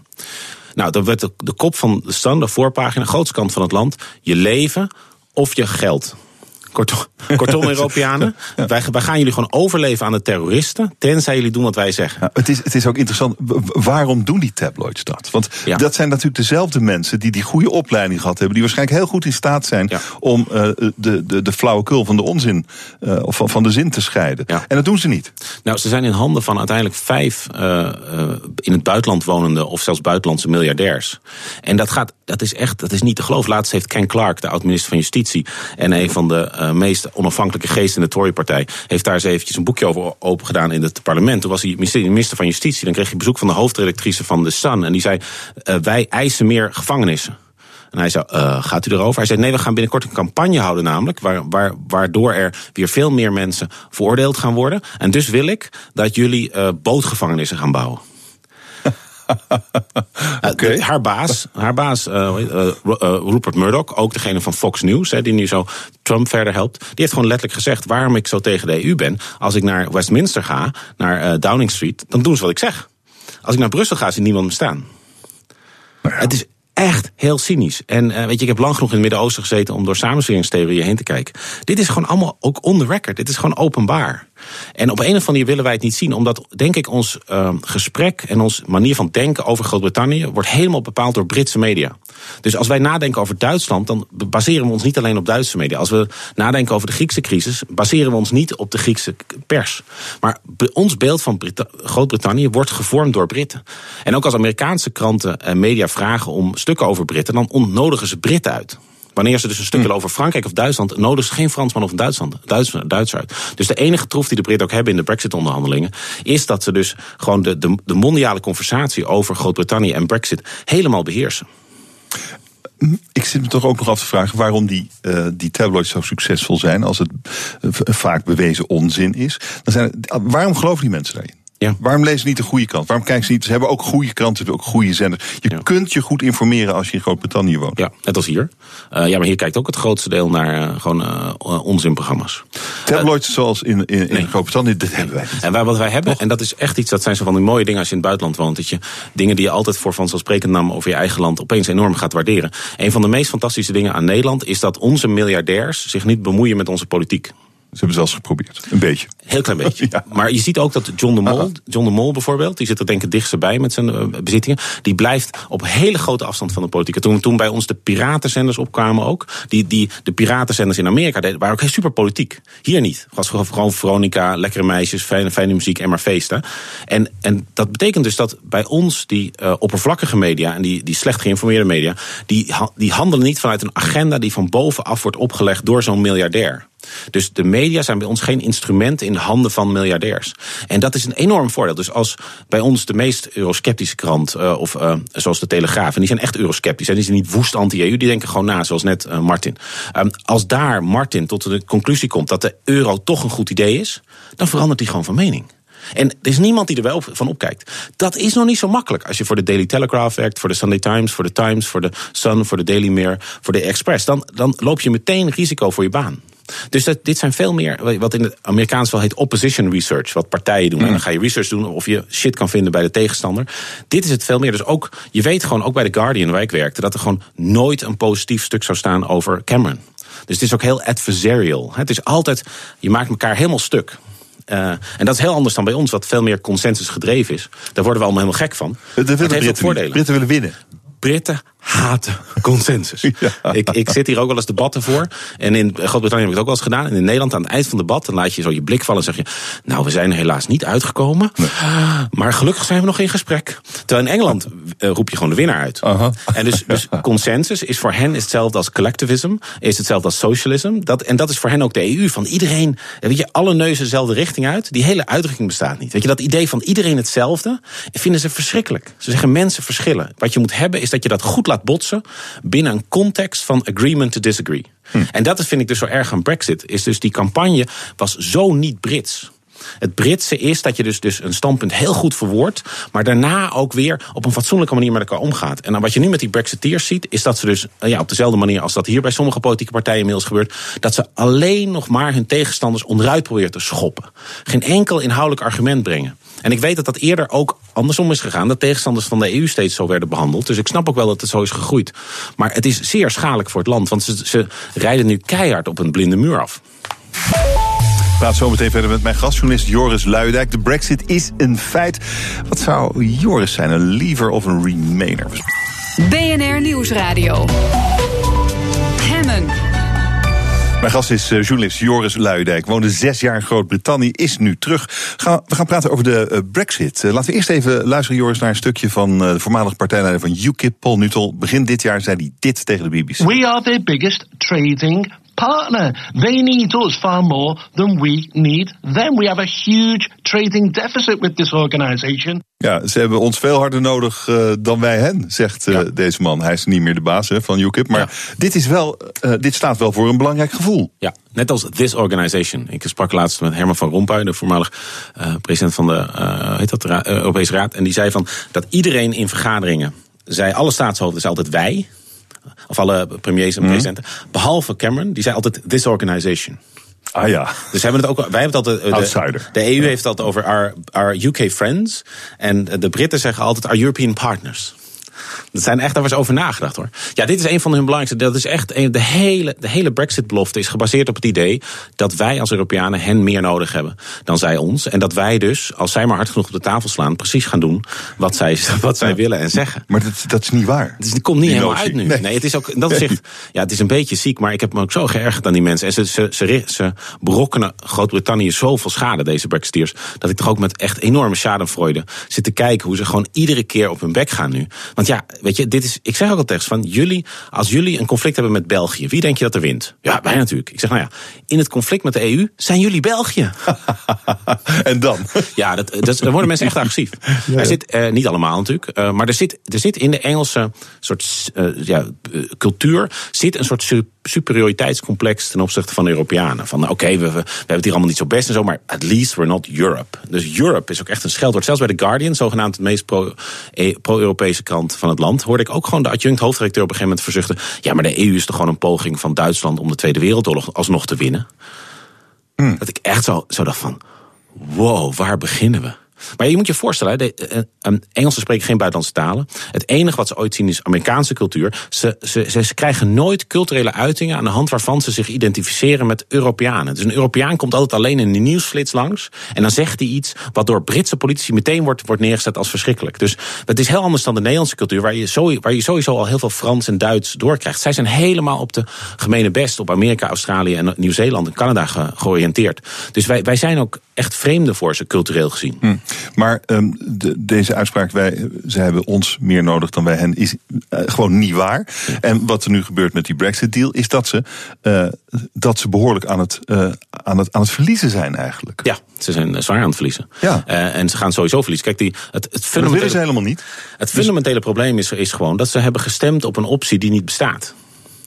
Dus je kunt nu wel gaan zeggen van... oké, okay, we gaan de wil van de meerderheid uitvoeren... namelijk die optie die niet bestaat. Nou, Alleen, die optie die niet bestaat, bestaat is, niet. Dat is die optie van 350 miljoen ja. pond per week extra... Ja, als dus we uit de, de EU gaan. De enorme voordelen ja. van het EU-lidmaatschap... zonder de verplichtingen die de EU überhaupt mogelijk maken. En zij hebben nooit willen zien hoezeer de EU een rol speelde... bij de welvaart en macht van Groot-Brittannië. Ze hebben altijd gezegd, nee, dat is ondanks de EU. Dus als we nou die EU eruit schoppen... dan zijn we nog groter en machtiger. Terwijl ja, de reden dat zoveel Amerikaanse bedrijven... en, en uh, Aziatische en Afrikaanse zich in Londen vestigden, was omdat je vanuit Londen prachtig de Europese markt op kon. Nou, je kan die Europese markt uit, maar dan gaan die Amerikanen, die Aziaten en die Afrikanen ook weg. Nou, en dat zijn dus dingen, dat vond ik zo, zo angstaanjagend, eerlijk gezegd, tijdens die dat referendumcampagne. Dat je dan dus, je had echt 99,9% van alle experts, mensen die gewoon wat vanaf weten, die gewoon rustig uitleggen van, je kunt niet je lidmaatschap van een club opzeggen en dan de faciliteiten blijven gebruiken. Punt. En dat werd gewoon, zoals je dat fragmentje wat je net liet horen, werd gewoon weggewuifd. Ja, nu, nu moeten ze dus ergens, uh, gaat de wal het schip keren. Uh, ze moeten of de, de wil van de meerderheid uitvoeren. Nou, dan geven ze ons hun economie een enorme dreun. Of ze moeten de wil van de meerderheid uh, schenden door alsnog eigenlijk Brexit terug te draaien. Dan sparen ze hun economie, maar geven ze hun democratie een enorme dreun. Ja, dat is echt een verschrikkelijke keuze. Hm. Het is ook de, uh, de optie die je wel eens hoort. Martin Vissers vertelde hem hier vanmorgen ook in het economen, uh, vanmiddag in het economenpanel. Hij zei: Het zou misschien ook wel kunnen dat ze een omwegje maken en dat ze dan toch proberen die Brexit weer terug te draaien. Maar ik weet niet of, of ik dat dacht ik ook dat dat zou kunnen. Maar als ik jou zo hoor, denk ik, ja, hm, dat zou toch wel een hele tegennatuurlijke beweging zijn voor Britten. Ja, en boven, bovendien wat ik toch wel van een hoop mensen hoor, is die, uh, in Nederland, uh, die hiermee betrokken zijn, die zich echt enorme zorgen maken over het gebrek aan alarm uh, bij Nederlandse bedrijven en Nederlandse beslismakers die nog steeds dit lijken te denken. Dat die kans is echt heel erg klein. En als het gebeurt, als ze die brexit terugdraaien, draaien, dan krijgt die democratie in Groot-Brittannië zo'n enorme dreun. De reden dat, het, dat de, de, de opiniepeilingen het zo fout hadden, was dat miljoenen mensen voor het eerst sinds de jaren 80 weer zijn gaan stemmen. Ga je dus voor de eerste keer doen die mensen in 20, 30 jaar weer mee met het democratisch proces. En dit is je signaal. Ja. Dus, dus, dus ik, ja, het, lijkt me, het lijkt me slecht voor, voor Groot-Brittannië uiteindelijk. Volgens mij kunnen ze deze beter, beker nu beter leeg drinken. Het lijkt me ook heel slecht voor de EU. Op het moment dat je dus het signaal stuurt van oké, okay, weet je, er is altijd wel weer een soort oplossing te vinden. Ik, democratie is het systeem waar men, de wil van de meerderheid wordt uitgevoerd. Ook als de wil van de meerderheid is dat ze zichzelf in de voet schieten. Je schreef een stuk uh, vrijdag in The Guardian, je krant. Zak het op, stond erboven. Ja, ik heb inmiddels wel geleerd. Is gelukt. Je, ja. Ik heb wel geleerd in zes jaar hoe je, hoe je in de Britse pers uh, hoe je ervoor zorgt. Ja, ja, ja, ja, dat is het meest gelezen stuk van de dag. Heerlijk. Uh, en dat komt, ja, dat, dat, zo doe je dat. Je ja. moet dus een. Uh, ja, er, kijk, er, bijna alle commentatoren over Brexit uit continentaal Europa zijn anglofielen die in Engeland wonen, lokaal getrouwd zijn, of in ieder geval verwachten daar de rest van hun leven door te brengen. Ik niet. Dus ik heb eigenlijk daar een soort niche gevonden, waarin ik de Engelsen gewoon op een ongelooflijk onbeleefde manier de waarheid zeg. En uh, er is een klein segment die dat heel leuk vindt. Een om te lezen. Segment. Ja, ik bedoel, het is. Maar het, de teneur, teneur van dit stuk was: van, je wil het zo, doe het dan maar ook. Zoek Ja. het maar uit. Jullie zijn niet zo belangrijk. Dat Ja. stel je ze gewoon. Ja, stop whining. Weet je, dus, dus als je eruit wil, ga er gewoon uit. Donder een eind op, maar accepteer eens een keer de consequenties. Wees eens een keer, ja, het klinkt, uh, weet dat, genderbevestigend, wees een vent. En dit soort gejank van de Engels, waarbij ze dus zeggen: we willen eruit, maar we willen wel alle voordelen houden. En anders gaan we heel vervelend doen. Dat echt. Ik word echt niet goed. Het is ook zo onbrits. Weet je, dat, waar is de stiff upper lip? Waar is het zo van uh, uh, keep calm, carry on? Don't muck about. Het is, het is zo, ja, het, het land is echt in dat opzicht volgens mij uh, in een, gaat, doorgaat een metamorfose. En dat is wel heel slecht voor Nederland natuurlijk, want dit was onze grote broer. In de EU hadden we ze heel vaak nodig. Uh, dankzij, uh, onze, dankzij Groot-Brittannië zitten we in de NAVO ook niet met een as Berlijn-Parijs. Dus het heeft voor ons echt grote gevolgen. Dit is echt niks om hier blij om te zijn. Nou, dat is serieuze handel ook met, met het Verenigd Koninkrijk. 70.000 banen bij een harde brexit. En dat is een ordelijke harde brexit. En er is nog steeds een hele goede mogelijkheid op een chaotische harde brexit. Dat betekent dus dat zonder deal. En dat betekent dus dat echt overnight vliegtuigen niet meer kunnen opstijgen. Uh, handel kan niet meer worden gedreven. Alle licenties van uh, bijvoorbeeld medisch personeel in Groot-Brittannië... maar ook van Britten hier in uh, continentaal Europa, allemaal vervallen. Het is, dan, dan kijk je echt naar een Lehman-achtige moment van, van, van echte chaos. Van wat betekent dit? En, en ze blijven roepen, nee hoor, nee hoor dat, dat kunnen we nog best wel eens doen. Dus het is, ja, het is echt uh, in, tegen de achtergrond van Poetin, Trump en Erdogan. Snappen wij dit voldoende in Nederland? Bereiden nou, wij ons voldoende voor op die chaotische harde brexit? Volgens mij totaal niet. Maar dat is ook, ja, Nederland is ook gewoon. Wij zijn gewoon niet zo goed in nadenken. Maar ja. Nee, echt. Ik, in Engeland, als je gewoon naar het onderwijs kijkt en zo, daar word je gewoon ontzettend getraind in nadenken en heel scherp formuleren. En wij, wij zijn heel goed in samenwerken. Wat heel veel waard is. Ons land is echt veel beter af dan. Je kan veel beter geboren worden in Engeland. Maakt niet uit in welke sociale klasse.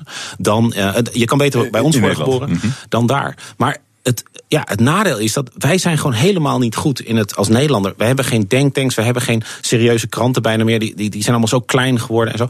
In dat opzicht, ja, het. Uh, ja, we moeten gewoon hopen dat de machtigere landen dit voor ons regelen. En dan kunnen wij daarna weer een beetje achteraan rennen. Maar zelf nadenken. Ja, dat, dat, mis ik het meest. Oké, uh, dus uh, nou, als je niet bent vertrokken uit, uh, uit Groot-Brittannië om je ergernis over het land waar je was terechtgekomen, en die mensen die tegen je zeiden: wanneer ga jij weg? Waarom ben je dan wel teruggekomen? Nou, ik, Naar dit land waar we niet kunnen nadenken. Ja, dat is natuurlijk. Dus in dat opzicht, ik hou enorm van nadenken. En er zijn natuurlijk ook wel mensen die kunnen nadenken. Maar we hebben veel, veel minder institu institutionele inbedding. Mm. Dus als je in Londen bent, kan je, ga je op de website. En dan kan je over eigenlijk ieder interessant onderwerp. iedere week gewoon een fascinerend seminar met vijf supersprekers. die, die gewoon zo goed je brieven. Dat kun je hier echt allemaal vergeten. Maar ik ben, ik ben een Nederlander. Ik, dit is mijn land. Ik kan jou meteen plaatsen. En jij mij. In Engeland heb ik dat niet. Bovendien vind ik dat, dat het soort, wat ik nu allemaal kan zeggen, dat is zo niet in. Dat, dat Engelse, die Engelse beleefdheid, die, die omvloersheid en nooit eerlijk zeggen wat je bedoelt. Nooit bedoelen wat je zegt en nooit zeggen wat je bedoelt. Ik kan daar zo slecht mee omgaan. Ik ben gewoon vrij. Ik denk altijd van, we komen sneller vooruit. Als ik gewoon precies zeg wat ik bedoel, jij ook. Dan weten we allebei wat we Hmm. bedoelen. Dat schiet toch veel meer op. Zeg, ja, maar dat is niet beleefd. En dat is de bekende uitdrukking hè, van de Engelsen zijn te beleefd om eerlijk te zijn. De Nederlanders zijn te eerlijk om beleefd te zijn. Ja. En maar daar liep je tegenaan. Maar wat was dan de reden dat je terug wilde? Nou ja, dit, dit zou een goede reden kunnen zijn. Nou, ik vind zes jaar weg is echt lang. Ik wel, in het verleden was ik, ben ik een keer vijf jaar weg geweest in het Midden-Oosten. Dat was ook heel lang. Maar zes is, is nog langer. En het is niet voor niks dat diplomatiek, bijvoorbeeld de, de buitenland, buitenlandse zaken, je altijd drie jaar laat gaan, hooguit vier. Hetzelfde geldt voor de meeste eh, multinationals. Zes jaar is echt al een, eh, een hele periode. Dus ik dacht, als ik nou mijn wortels niet weer water ga geven, dan sterven ze af. En, en ik heb veel van die postnationale types ontmoet, die dus op een gegeven moment nergens meer horen. En dat, dat lijkt me helemaal niks. Je hebt hè, je, je, je vader, we hebben niet voor niks over vaderland en moedertaal. Hè, dat is, je hebt maar één vader en moeder. En je kan, je kan er wel mee breken, maar je krijgt geen nieuwe. En zo zie ik ook echt een, eh, een eigen cultuur. En wat ga je nu doen in Nederland? Nou, ik ben nu heel gaan nadenken, al een jaar eigenlijk, over eh, wat dan populisme wordt genoemd door de zogenoemde elite. Eh, en wat er nou eigenlijk aan de hand is. En wat, ja, hoe, hoe je dat nou het best kan begrijpen. Van, is nou het probleem populisme of het probleem dat de elite denkt dat het probleem populisme is? Dan ben je er al een beetje uit.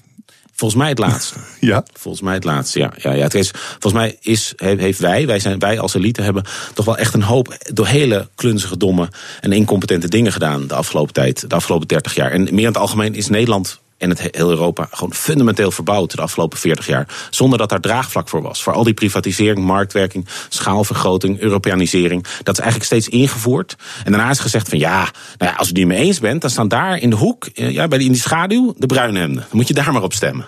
Weet je, er was, er was heel lang was er geen partij beschikbaar voor iemand die gewoon op fatsoenlijke gronden tegen verdere immigratie was. Of op fatsoenlijke gronden tegen verdere eh, Europese integratie. Eh, en ik denk dat daar eh, heel veel bo- woede zit. Want op het moment dus dat je geen draagvlak wint voor bijvoorbeeld de euro. en je introduceert het als. Nou, mensen, even uit je hoofd leren welke landen de euro gaan gebruiken. Europa, best belangrijk. En dan gaat het mis. Ja, nou, vervolgens zie je dus dat die politici die daar verantwoordelijk voor waren, niet gestraft zijn op wat voor manier. ook. Nee, sterker nog, die stroomden allemaal door naar prachtige banen. Hetzelfde met de financiële crisis. hè. Je stemt op politici in de hoop dat ze de bank in de, in de tang houden. En in plaats daarvan doen ze dat niet. En gaan ze vervolgens werken voor de bank. Ja, dan moet je niet raar opkijken dat mensen die politici niet meer vertrouwen. Populisme. Wordt een boek, wanneer komt het uit? Nou, als het af is. Ik wens je veel succes en hartelijk dank voor dit gesprek. Joris Luijendijk. Punt. BNR Nieuwsradio. Hemmen. Hemmen. Mijn gast is Pieter de Smet. Hij is hoogleraar Design for Experience aan de TU in Delft. En momenteel doet hij onderzoek naar het effect van producten op onze emotie. Dag meneer de Smet, goedemiddag. Goedemiddag. Uh, wat u doet is dus dingen zo ontwerpen dat je daar blij en gelukkig van wordt als je het gebruikt. Ja, ik zeg altijd, wat je ook ontwerpt, welk product je ook ontwerpt, het wekt sowieso emoties op. En dan wil je natuurlijk dat dat positieve emoties zijn. En hoe doe je dat? Dat is mijn onderzoeksvraag. Ah, en um, elk voorwerp wekt een emotie op. Leg ze uit, alstublieft. Nou, als je iets gebruikt, dan kan je bijvoorbeeld irriteren aan het feit dat het niet werkt zoals je wilt dat het werkt. Of je kan het bewonderen omdat het heel mooi ontworpen is. Uh, je kan trots zijn op iets wat je hebt. Dus je hebt allerlei soorten oh, emoties die je kunt ervaren. Het zit, het zit, het zit uh, in schoonheid, maar ook gewoon in praktisch gebruik. Zeker, ja, ja. Mensen denken vaak dat als je het over emoties hebt, dat je het dan hebt over hele luxe producten, nou. over esthetiek. Maar de meest alledaagse dingen, zoals een pen of uh, een stoel, wekken ook emoties op. Want als, als het niet werkt zoals het werkt, dan, dan heb je een negatieve emotie. natuurlijk. Geef eens een voorbeeld van die negatieve emotie en het voorwerp dat die op kan wekken. Nou, wat ik zelf een heel mooi voorbeeld vind, is een project, een ontwerpproject van een van mijn studenten. Zij heeft een rolstoel ontworpen. En ze heeft gemeten wat wekt dat nou op aan emoties. En een van de negatieve emoties die een rolstoel opwekt bij kinderen, want het was een rolstoel voor kinderen, is schaamte. En dan denk je, oh, dat zal wel komen doordat ze zich schamen dat ze in een rolstoel zitten. Maar dat is niet zo. Ze schamen zich helemaal niet voor die rolstoel. Dat is een onderdeel van wie ze zijn. Waar ze zich voor schaamden, waren de handvatten. En dat vond ik verrassend, want ja, die handvatten gebruiken ze niet. Ja, de handvatten waarmee je zo'n rolstoel ja, ja. Want iedereen, ook kinderen, hebben als belang autonomie.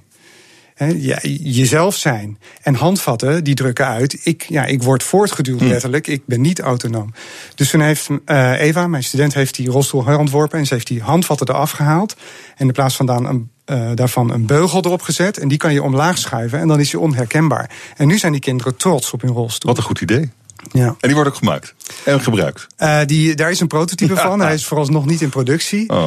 Maar hij is wel getest met kinderen en die vinden het geweldig. Ja, ja dat vind ik dus heel mooi. Dat zoiets, zoiets simpels, zoiets kleins, toch een enorm effect kan hebben. En, en, en dat is wat u onderzoekt op dit moment. Ja. Mijn, ja, wat ik onderzoek is, ik wil weten hoe, werk, hoe Ah. werkt dat dan? Hoe werken producten emoties op? En met name, hoe kan ik daar als ontwerper met een, op een systematische manier mee omgaan? Ik zit me af te vragen, ik, ik, ik weet niet waarom, maar ik moet opeens een pak melk denken. Is dat iets ehm, waar, waar, waar u als, als ontwerper iets aan, aan zou kunnen toevoegen, waardoor het een soort van, waardoor ik er blijer van word dan nu? Of iets, iets van van die hele simpele dingen. Ja. Wat, wat kun je daar nog aan toevoegen? En is het nodig überhaupt? Ja, of het nodig is, dat, hè, je kan niet overal al- al- allerlei lagen van emoties op gaan toevoegen. Maar ik denk wel dat ieder product, daar ga je een relatie mee aan als gebruiker. Ook al is het zoiets simpels als een pak melk of een potlood. En je wilt toch dat die relatie een positieve is. En misschien is dat wel een relatie waarin je helemaal niet zoveel emoties wilt ervaren. Maar toch wil je dat het ook positief is. En- Vanzelfsprekendheid is ook, ook, een, ook een goed ding eigenlijk. Ja, eigenlijk Dat wel, is gewoon ja. doet waar het voor is. En waar, waar ziet u dan nog mogelijkheden om de dingen beter te maken? Waar kijkt u speciaal naar? We hadden net die rolstoel. Wat zijn nou nog meer onderwerpen van uw onderzoek? Nou, ik heb de afgelopen twintig jaar heb ik heel veel onderzoek gedaan naar emoties. En dat is heel erg in het moment. Er gebeurt iets en dan voel ik iets. Maar je hebt ook iets wat meer lange termijn is. En dat zou je kunnen zeggen gelukservaringen of welzijn. En producten hebben ook ergens een invloed op ons geluk. Alleen dat is wat ingewikkelder, omdat het wat indirecter is. En Een ding kan wel een emotie opwekken. Maar geluk, dat wordt meer bepaald door wat je doet. Dus dan leer ik mijn studenten van je moet je niet zoveel bezighouden met wat het is wat je ontwerpt, maar je moet je bezighouden met wat stel je mensen in staat om te doen aan activiteiten te ontplooien met dat ding wat je ontwerpt. En dat is dus een hele andere manier van denken voor ontwerpers. Ja, nou, die rolstoel die begrijp ik. Mhm. Eh, geef nog eens een voorbeeld om dit duidelijk te maken. Nou, een ander voorbeeld is ehm, eh, ook een voorbeeld voor kinderen, wat ik een heel mooi voorbeeld vind. Het heet eh, Connect. En een student ook die heeft dat ontworpen voor kinderen die naar een eh, ziekenhuis moeten voor kankerbehandeling. En dan moeten ze soms in iso- isolement. Eh, dan zit er dus letterlijk een glazen wand tussen hun en de rest van de wereld, omdat er anders risico is op besmetting. Nou, dat kan vier dagen duren, kan zelfs tot vier maanden duren. Dus dat is nogal ingewikkeld en dat komt met allerlei negatieve emoties. En wat hij heeft ontworpen, om een lang verhaal kort te maken, is een spel wat je door die glazen wand heen speelt. Dus het werkt met magneetjes. Oh Dus aan de allebei de kanten kan je met magneetjes allemaal gekleurde vormpjes en je kan de fantasiespel spelen. En ik vind het zo mooi dat je door zoiets simpels als een paar magneetjes en wat gekleurde vormen opeens die kinderen helemaal laat vergeten dat er, dat er een, eh, een wand tussen hun en de rest van de wereld zit. Ze zijn gewoon lekker aan het spelen met elkaar. Ja, dat, dat is prachtig. En dat wordt toegepast ook. Dat is gewoon overal waar, waar die, waar die eh, isolatiedingen zijn, ze- is, kunnen die kinderen spelen, worden Ja. ze blij van. Dus Job Jans Weijer die heeft dat eh, nu in productie en, eh, en het wordt gebruikt in ziekenhuizen. Eh, u, u doet dit al heel lang, hè? sinds 1996. Hè? Bent, u- bent u bezig met dingen en emoties die daaraan zitten. Waarom? Waar komt dat vandaan? Ja, ik, doe dat eigenlijk, ik ben eigenlijk al heel mijn leven gefascineerd door dingen. Omdat ehm, ik, ik zie gewoon, en ik heb dat altijd gezien, dat dingen zo'n betekenisvolle rol kunnen hebben voor mensen. En ik heb deze vaas meegenomen. Ja, op ons verzoek iets wat dit Ja. zou illustreren. En hier staat een vaas. Het, ik vind het een mooie vaas. U zegt hij is niks waard. Hij is in principe niks waard, maar hij is voor mij is die onbetaalbaar. Ja, wat is dit voor vaas? Dit is een vaas die is van mijn oma geweest. En ik, eh, in de zomer ging ik vaak logeren bij mijn oma. En mijn oma die had niet zoveel spullen. Die had een tafel en een paar stoelen. Maar ze had ook die vaas. En ik vroeg haar daarnaar. En toen vertelde ze mij dat die vaas van haar moeder was geweest. En dat door de oorlog is haar moeder toen overleden. En er is eigenlijk niets meer wat haar aan haar moeder kon herinneren behalve die vaas. En toen hadden we dus een gesprek over die vaas. En toen mijn oma overleed, toen heeft ze tegen mijn vader gezegd, expliciet, van ik wil dat die vaas naar Pieter gaat. Omdat ze dat gesprek had herinnerd. En dat heeft mij zo geraakt, dat die vaas een enorme betekenis voor me heeft. En ik vind dat zo prachtig dat. Ook al gaan we vaak heel onnadachtzaam om met allerlei objecten. En dat moet ook. Je kan niet overal heel veel betekenis geven. Er zijn ook dingen waar je enorm veel betekenis aan kunt hechten. Ja, oké, maar dit, eh, een vaas zou je, eh, een vaas is eh, wel nuttig, je kunt er bloemen in zetten. Maar het is, dit, dit is ook een mooie vaas. Er zitten bloemetjes op, er zat een vrouwenfiguurtje op. Ik, vind het eigenlijk best, ik, vind, ik vind het best een mooie vaas. Maar um, de, ja, dat, het, is meer, meer, het heeft meer kunstzinnigheid dan, dan praktisch nut. Misschien dat de schoonheid van deze, van deze vaas bepaalt. Maar voor u is het, voor, voor u, u uw specifieke situatie is dit een bijzondere fase. Maar iemand anders geeft er misschien 5 euro voor. Ja, dat klopt. Of misschien nog wel minder. Ja. Dus het moet wel, het moet wel samenhangen met, uh, met je eigen beleving van het ding. Ja. Uh, dat geldt voor deze vaas, maar dat geldt misschien niet uh, voor, voor, die, voor die kan water die er aan uw linkerhand staat. Nou, en het grappige is, en dat is dus ook wat ik probeer te achterhalen in mijn onderzoek, is dat het is allemaal heel persoonlijk. Hè, ja. Die vaas, ja, dat is een heel persoonlijk verhaal. En ik vraag ook altijd aan mijn studenten om dat soort verhalen te vertellen en producten mee te brengen. En dan zie je dus dat ja, geen enkel product is hetzelfde. En dat kan soms een heel duur ding zijn, een heel goedkoop ding, waar zij dus een betekenisvolle relatie mee hebben. Maar als je dan kijkt naar het waarom, dan zie je dat het eigenlijk altijd op dezelfde dingen neerkomt. En dat is dan weer heel beperkt en universeel. Het gaat ja, dezelfde, dezelfde dingen zoals de herinnering aan iemand die je dierbaar is. Bijvoorbeeld, het representeert ah, een okay. belangrijke relatie met een persoon. Oh ja. Of het representeert een belangrijke groei die ik heb doorgemaakt als individu. Of het representeert een doel die ik voor mezelf heb, dat ik voor mezelf heb gesteld in mijn leven. En dat komt altijd op die dingen neer. Ah. Dus ook al is het op een bepaald niveau heel persoonlijk, op een universeel niveau komt het altijd op hetzelfde neer. Oké, okay, dat is interessant. Want wat kun je daar dan mee als ontwerper? Want dan heb je, uh, je maakt dan dingen die uh, niet die specifieke persoonlijke waarde hebben als deze vaas voor u heeft. Mm -hmm. Dus hoe breng je dat, dat, dat, dat gevoel in een ding? Dat is, dat is eigenlijk wat u zich afvraagt. Ja. En hoe doe je dat dan? Ja, mijn studenten vragen altijd aan mij van oké, okay, uh, uh, geef me een formule voor hoe ik dat kan ontwerpen. En ja. die formule die is er dus helaas niet. Nee. Want ook al is op universeel niveau hebben we allemaal dezelfde basisbelangen of behoeften. Hoe zich dat vertaalt naar het persoon is weer heel erg situatie- en persoonsafhankelijk. Dus ik zeg tegen die studenten altijd, waar het op neerkomt, is dat je kan dat soort lijstjes van universele belangen als raamwerk voor je eigen denken gebruiken. Maar dan vervolgens moet je gaan kijken voor de situatie waarvoor jij ontwerpt. Moet je gaan kijken hoe vertaalt zich dat specifiek naar die situatie. Dus het geeft je niet zozeer de antwoorden, maar het helpt je wel om de juiste vragen te stellen over voor wie je ontwerpt. Ik heb behoefte aan nog een voorbeeld. Ik vond dat Connect mooi, die rolstoel mooi. Uh, deze vaas met zijn eigen specifieke verhaal, prachtig. Maar hoe ga je dat nou in wat, ja, wat meer alledaagse dingen ja. aanbrengen? Um, nou, wat je ziet is dat producten. En producten zijn geen kunstvoorwerpen, maar het zijn gebruiksobjecten. Dus ze worden altijd Hm. mm. gemaakt met een bepaald doel, met een bepaalde functie. Uh, een, zelfs een vaas hè, om bloemen uh, in, te, in te schikken, maar een, uh, een stoel om op te zitten. Is dat in het ontwerp wordt daar heel erg op gericht. En dan kan het nog wel eens zijn dat onbedoeld andere basisbelangen worden geschaad. En dus dan heb je bijvoorbeeld een stoel die wel heel effectief is, maar die jou heel erg afsluit van je omgeving en daardoor jou niet in staat stelt om de relatie aan te gaan met de mensen om jou heen. Hm. Even een fictief voorbeeld. En dat kan je natuurlijk als ontwerper gaan onderzoeken. Je kan gaan, kijken naar, hey, wat gebeurt er nou als ik een product gebruik uh, in, in, in termen van waar het belangen schaadt. En een, en een voorbeeld daarvan is uh, Link. Dat is een, een, een, een, een product wat is ontworpen voor blinde kinderen. En het gaat over fysieke activiteit. En iedere, iedereen moet natuurlijk sporten. Ook blinde kinderen, anders word je ongezond. En er zijn heel veel oplossingen voor blinde kinderen. Je kan ze bijvoorbeeld op een home trainer zetten. Uh, maar al die bestaande oplossingen die schaden het belang van autonomie en van chaos ervaren. Kinderen willen chaos ervaren. Dus wat die student heeft ontworpen is een soort grote bal met een net erin. En daar kan je alle kanten mee oplopen. En, dat, en dan ervaar je dus echt een hele rare, chaotische beleving. En dat vinden die kinderen dan weer geweldig. Ja, ja. Dus dan zie je dus dat een, een bestaand product eigenlijk wel iets doet, maar aan de andere kant ook een negatieve emotie opwekt. En daar, daar kan je heel goed, dat kan je heel goed als uitgangspunt gebruiken als ontwerper. Ja. Wat, wat is wat u eigenlijk doet? Want u, uh, als het gaat over het ontwerpen van dingen, nadenken over de, de waarde, emotionele waarde van dingen, hoe brengt het je geluk? Maar wat, is, wat, wat zit erachter? Wat doet u eigenlijk? Wat doe ik eigenlijk? Um, ja, ik probeer eigenlijk te begrijpen hoe wij als ontwerpers onze talenten kunnen gebruiken om wat bij te dragen aan het geluk van mensen. Dat is voor mij de essentie.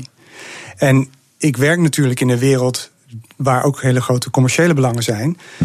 Bedrijven maken producten omdat ze daar geld mee willen verdienen. Maar ik zeg altijd, uiteindelijk wil je natuurlijk ook dat mensen blij worden van datgene wat je doet. Als dat niet lukt, dan zul je op termijn natuurlijk ook geen producten meer verkopen. Dus ik zet even die commerciële belangen opzij. En ik kijk naar ja, waar we het echt over moeten hebben in mijn ogen. Namelijk hoe, hoe, hoe voegen we echt waarde toe aan het, aan het leven van de gebruiker. Dank u wel voor dit gesprek. Pieter de Smet, professor Design for Experience aan de TU in Delft. Dank u wel. De volgende gast heeft een kameel getekend met de stem van Oprah Winfrey. Dat wil je horen. BNR Nieuwsradio. Zometeen spreek ik met Wouter Tulp, die voor de kerstfilm The Star onder andere de kameel ontwierp die later de stem van Oprah Winfrey kreeg. King Herod is up to something. dat zometeen eerst is hier uh, Jurgen Rijman natuurlijk. Want zometeen weer of geen weer, ask me anything. Is er me altijd. anything. Ja, altijd. We gaan altijd door. En uh, we gaan het vandaag ook zeer toepasselijk hebben over thuiswerken. Want het leek een beetje alsof thuiswerken, het zogenaamde nieuwe werken, een beetje op zijn retour was de afgelopen tijd. Weet je, het een beetje een mislukt experiment was van een paar jaar geleden. Maar het bleek vandaag dus dat heel wat mensen wel thuis kunnen werken als we zulk weer hebben.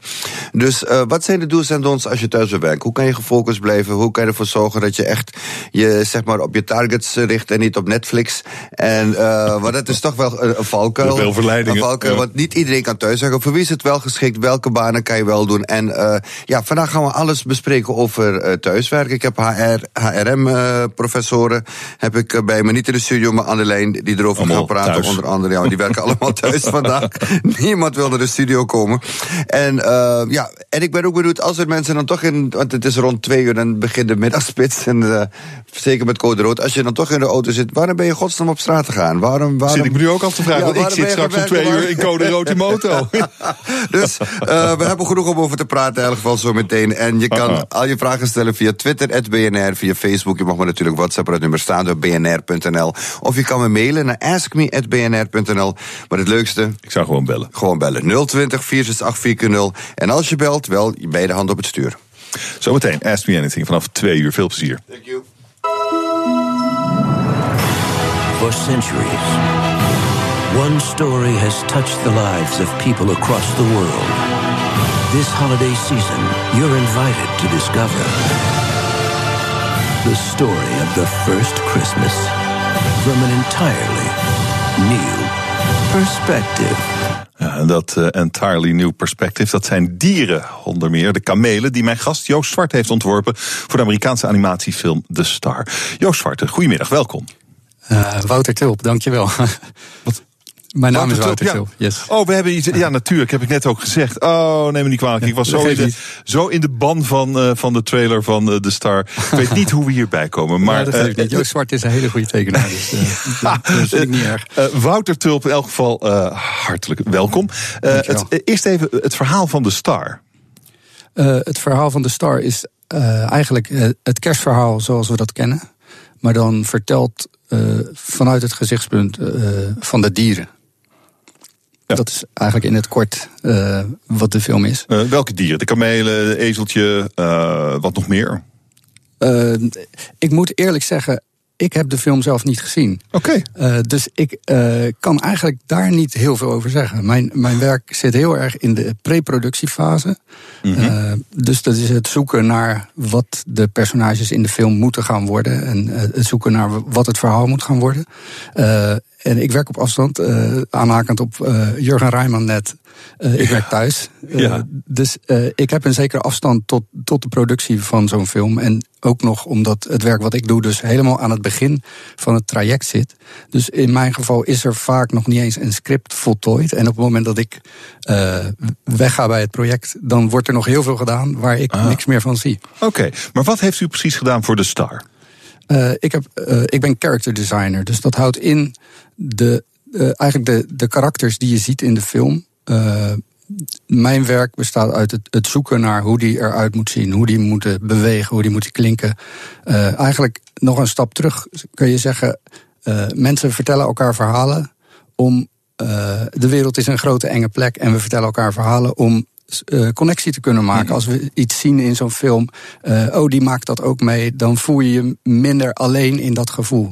En eigenlijk probeer ik karakters te creëren uh, die meer zijn dan een tekening, maar die een personage vertegenwoordigen die echte gevoelens heeft, waarmee we kunnen meeleven. En dat is eigenlijk de zoektocht. Wat is de rol van het karakter binnen het verhaal? En uh, eigenlijk in alle aspecten, vorm, kleur, uh, licht, geluid. Uh, wat heeft hij aan? Hoe, hoe, klinkt zijn stem? Al dat soort dingen probeer je ideeën voor op te gooien voor de regisseur, die als een dirigent eigenlijk hmm. uitkiest hoe dat uh, personage eruit moet zien. Ja, en uw personages, dat, dat waren bijvoorbeeld kamelen.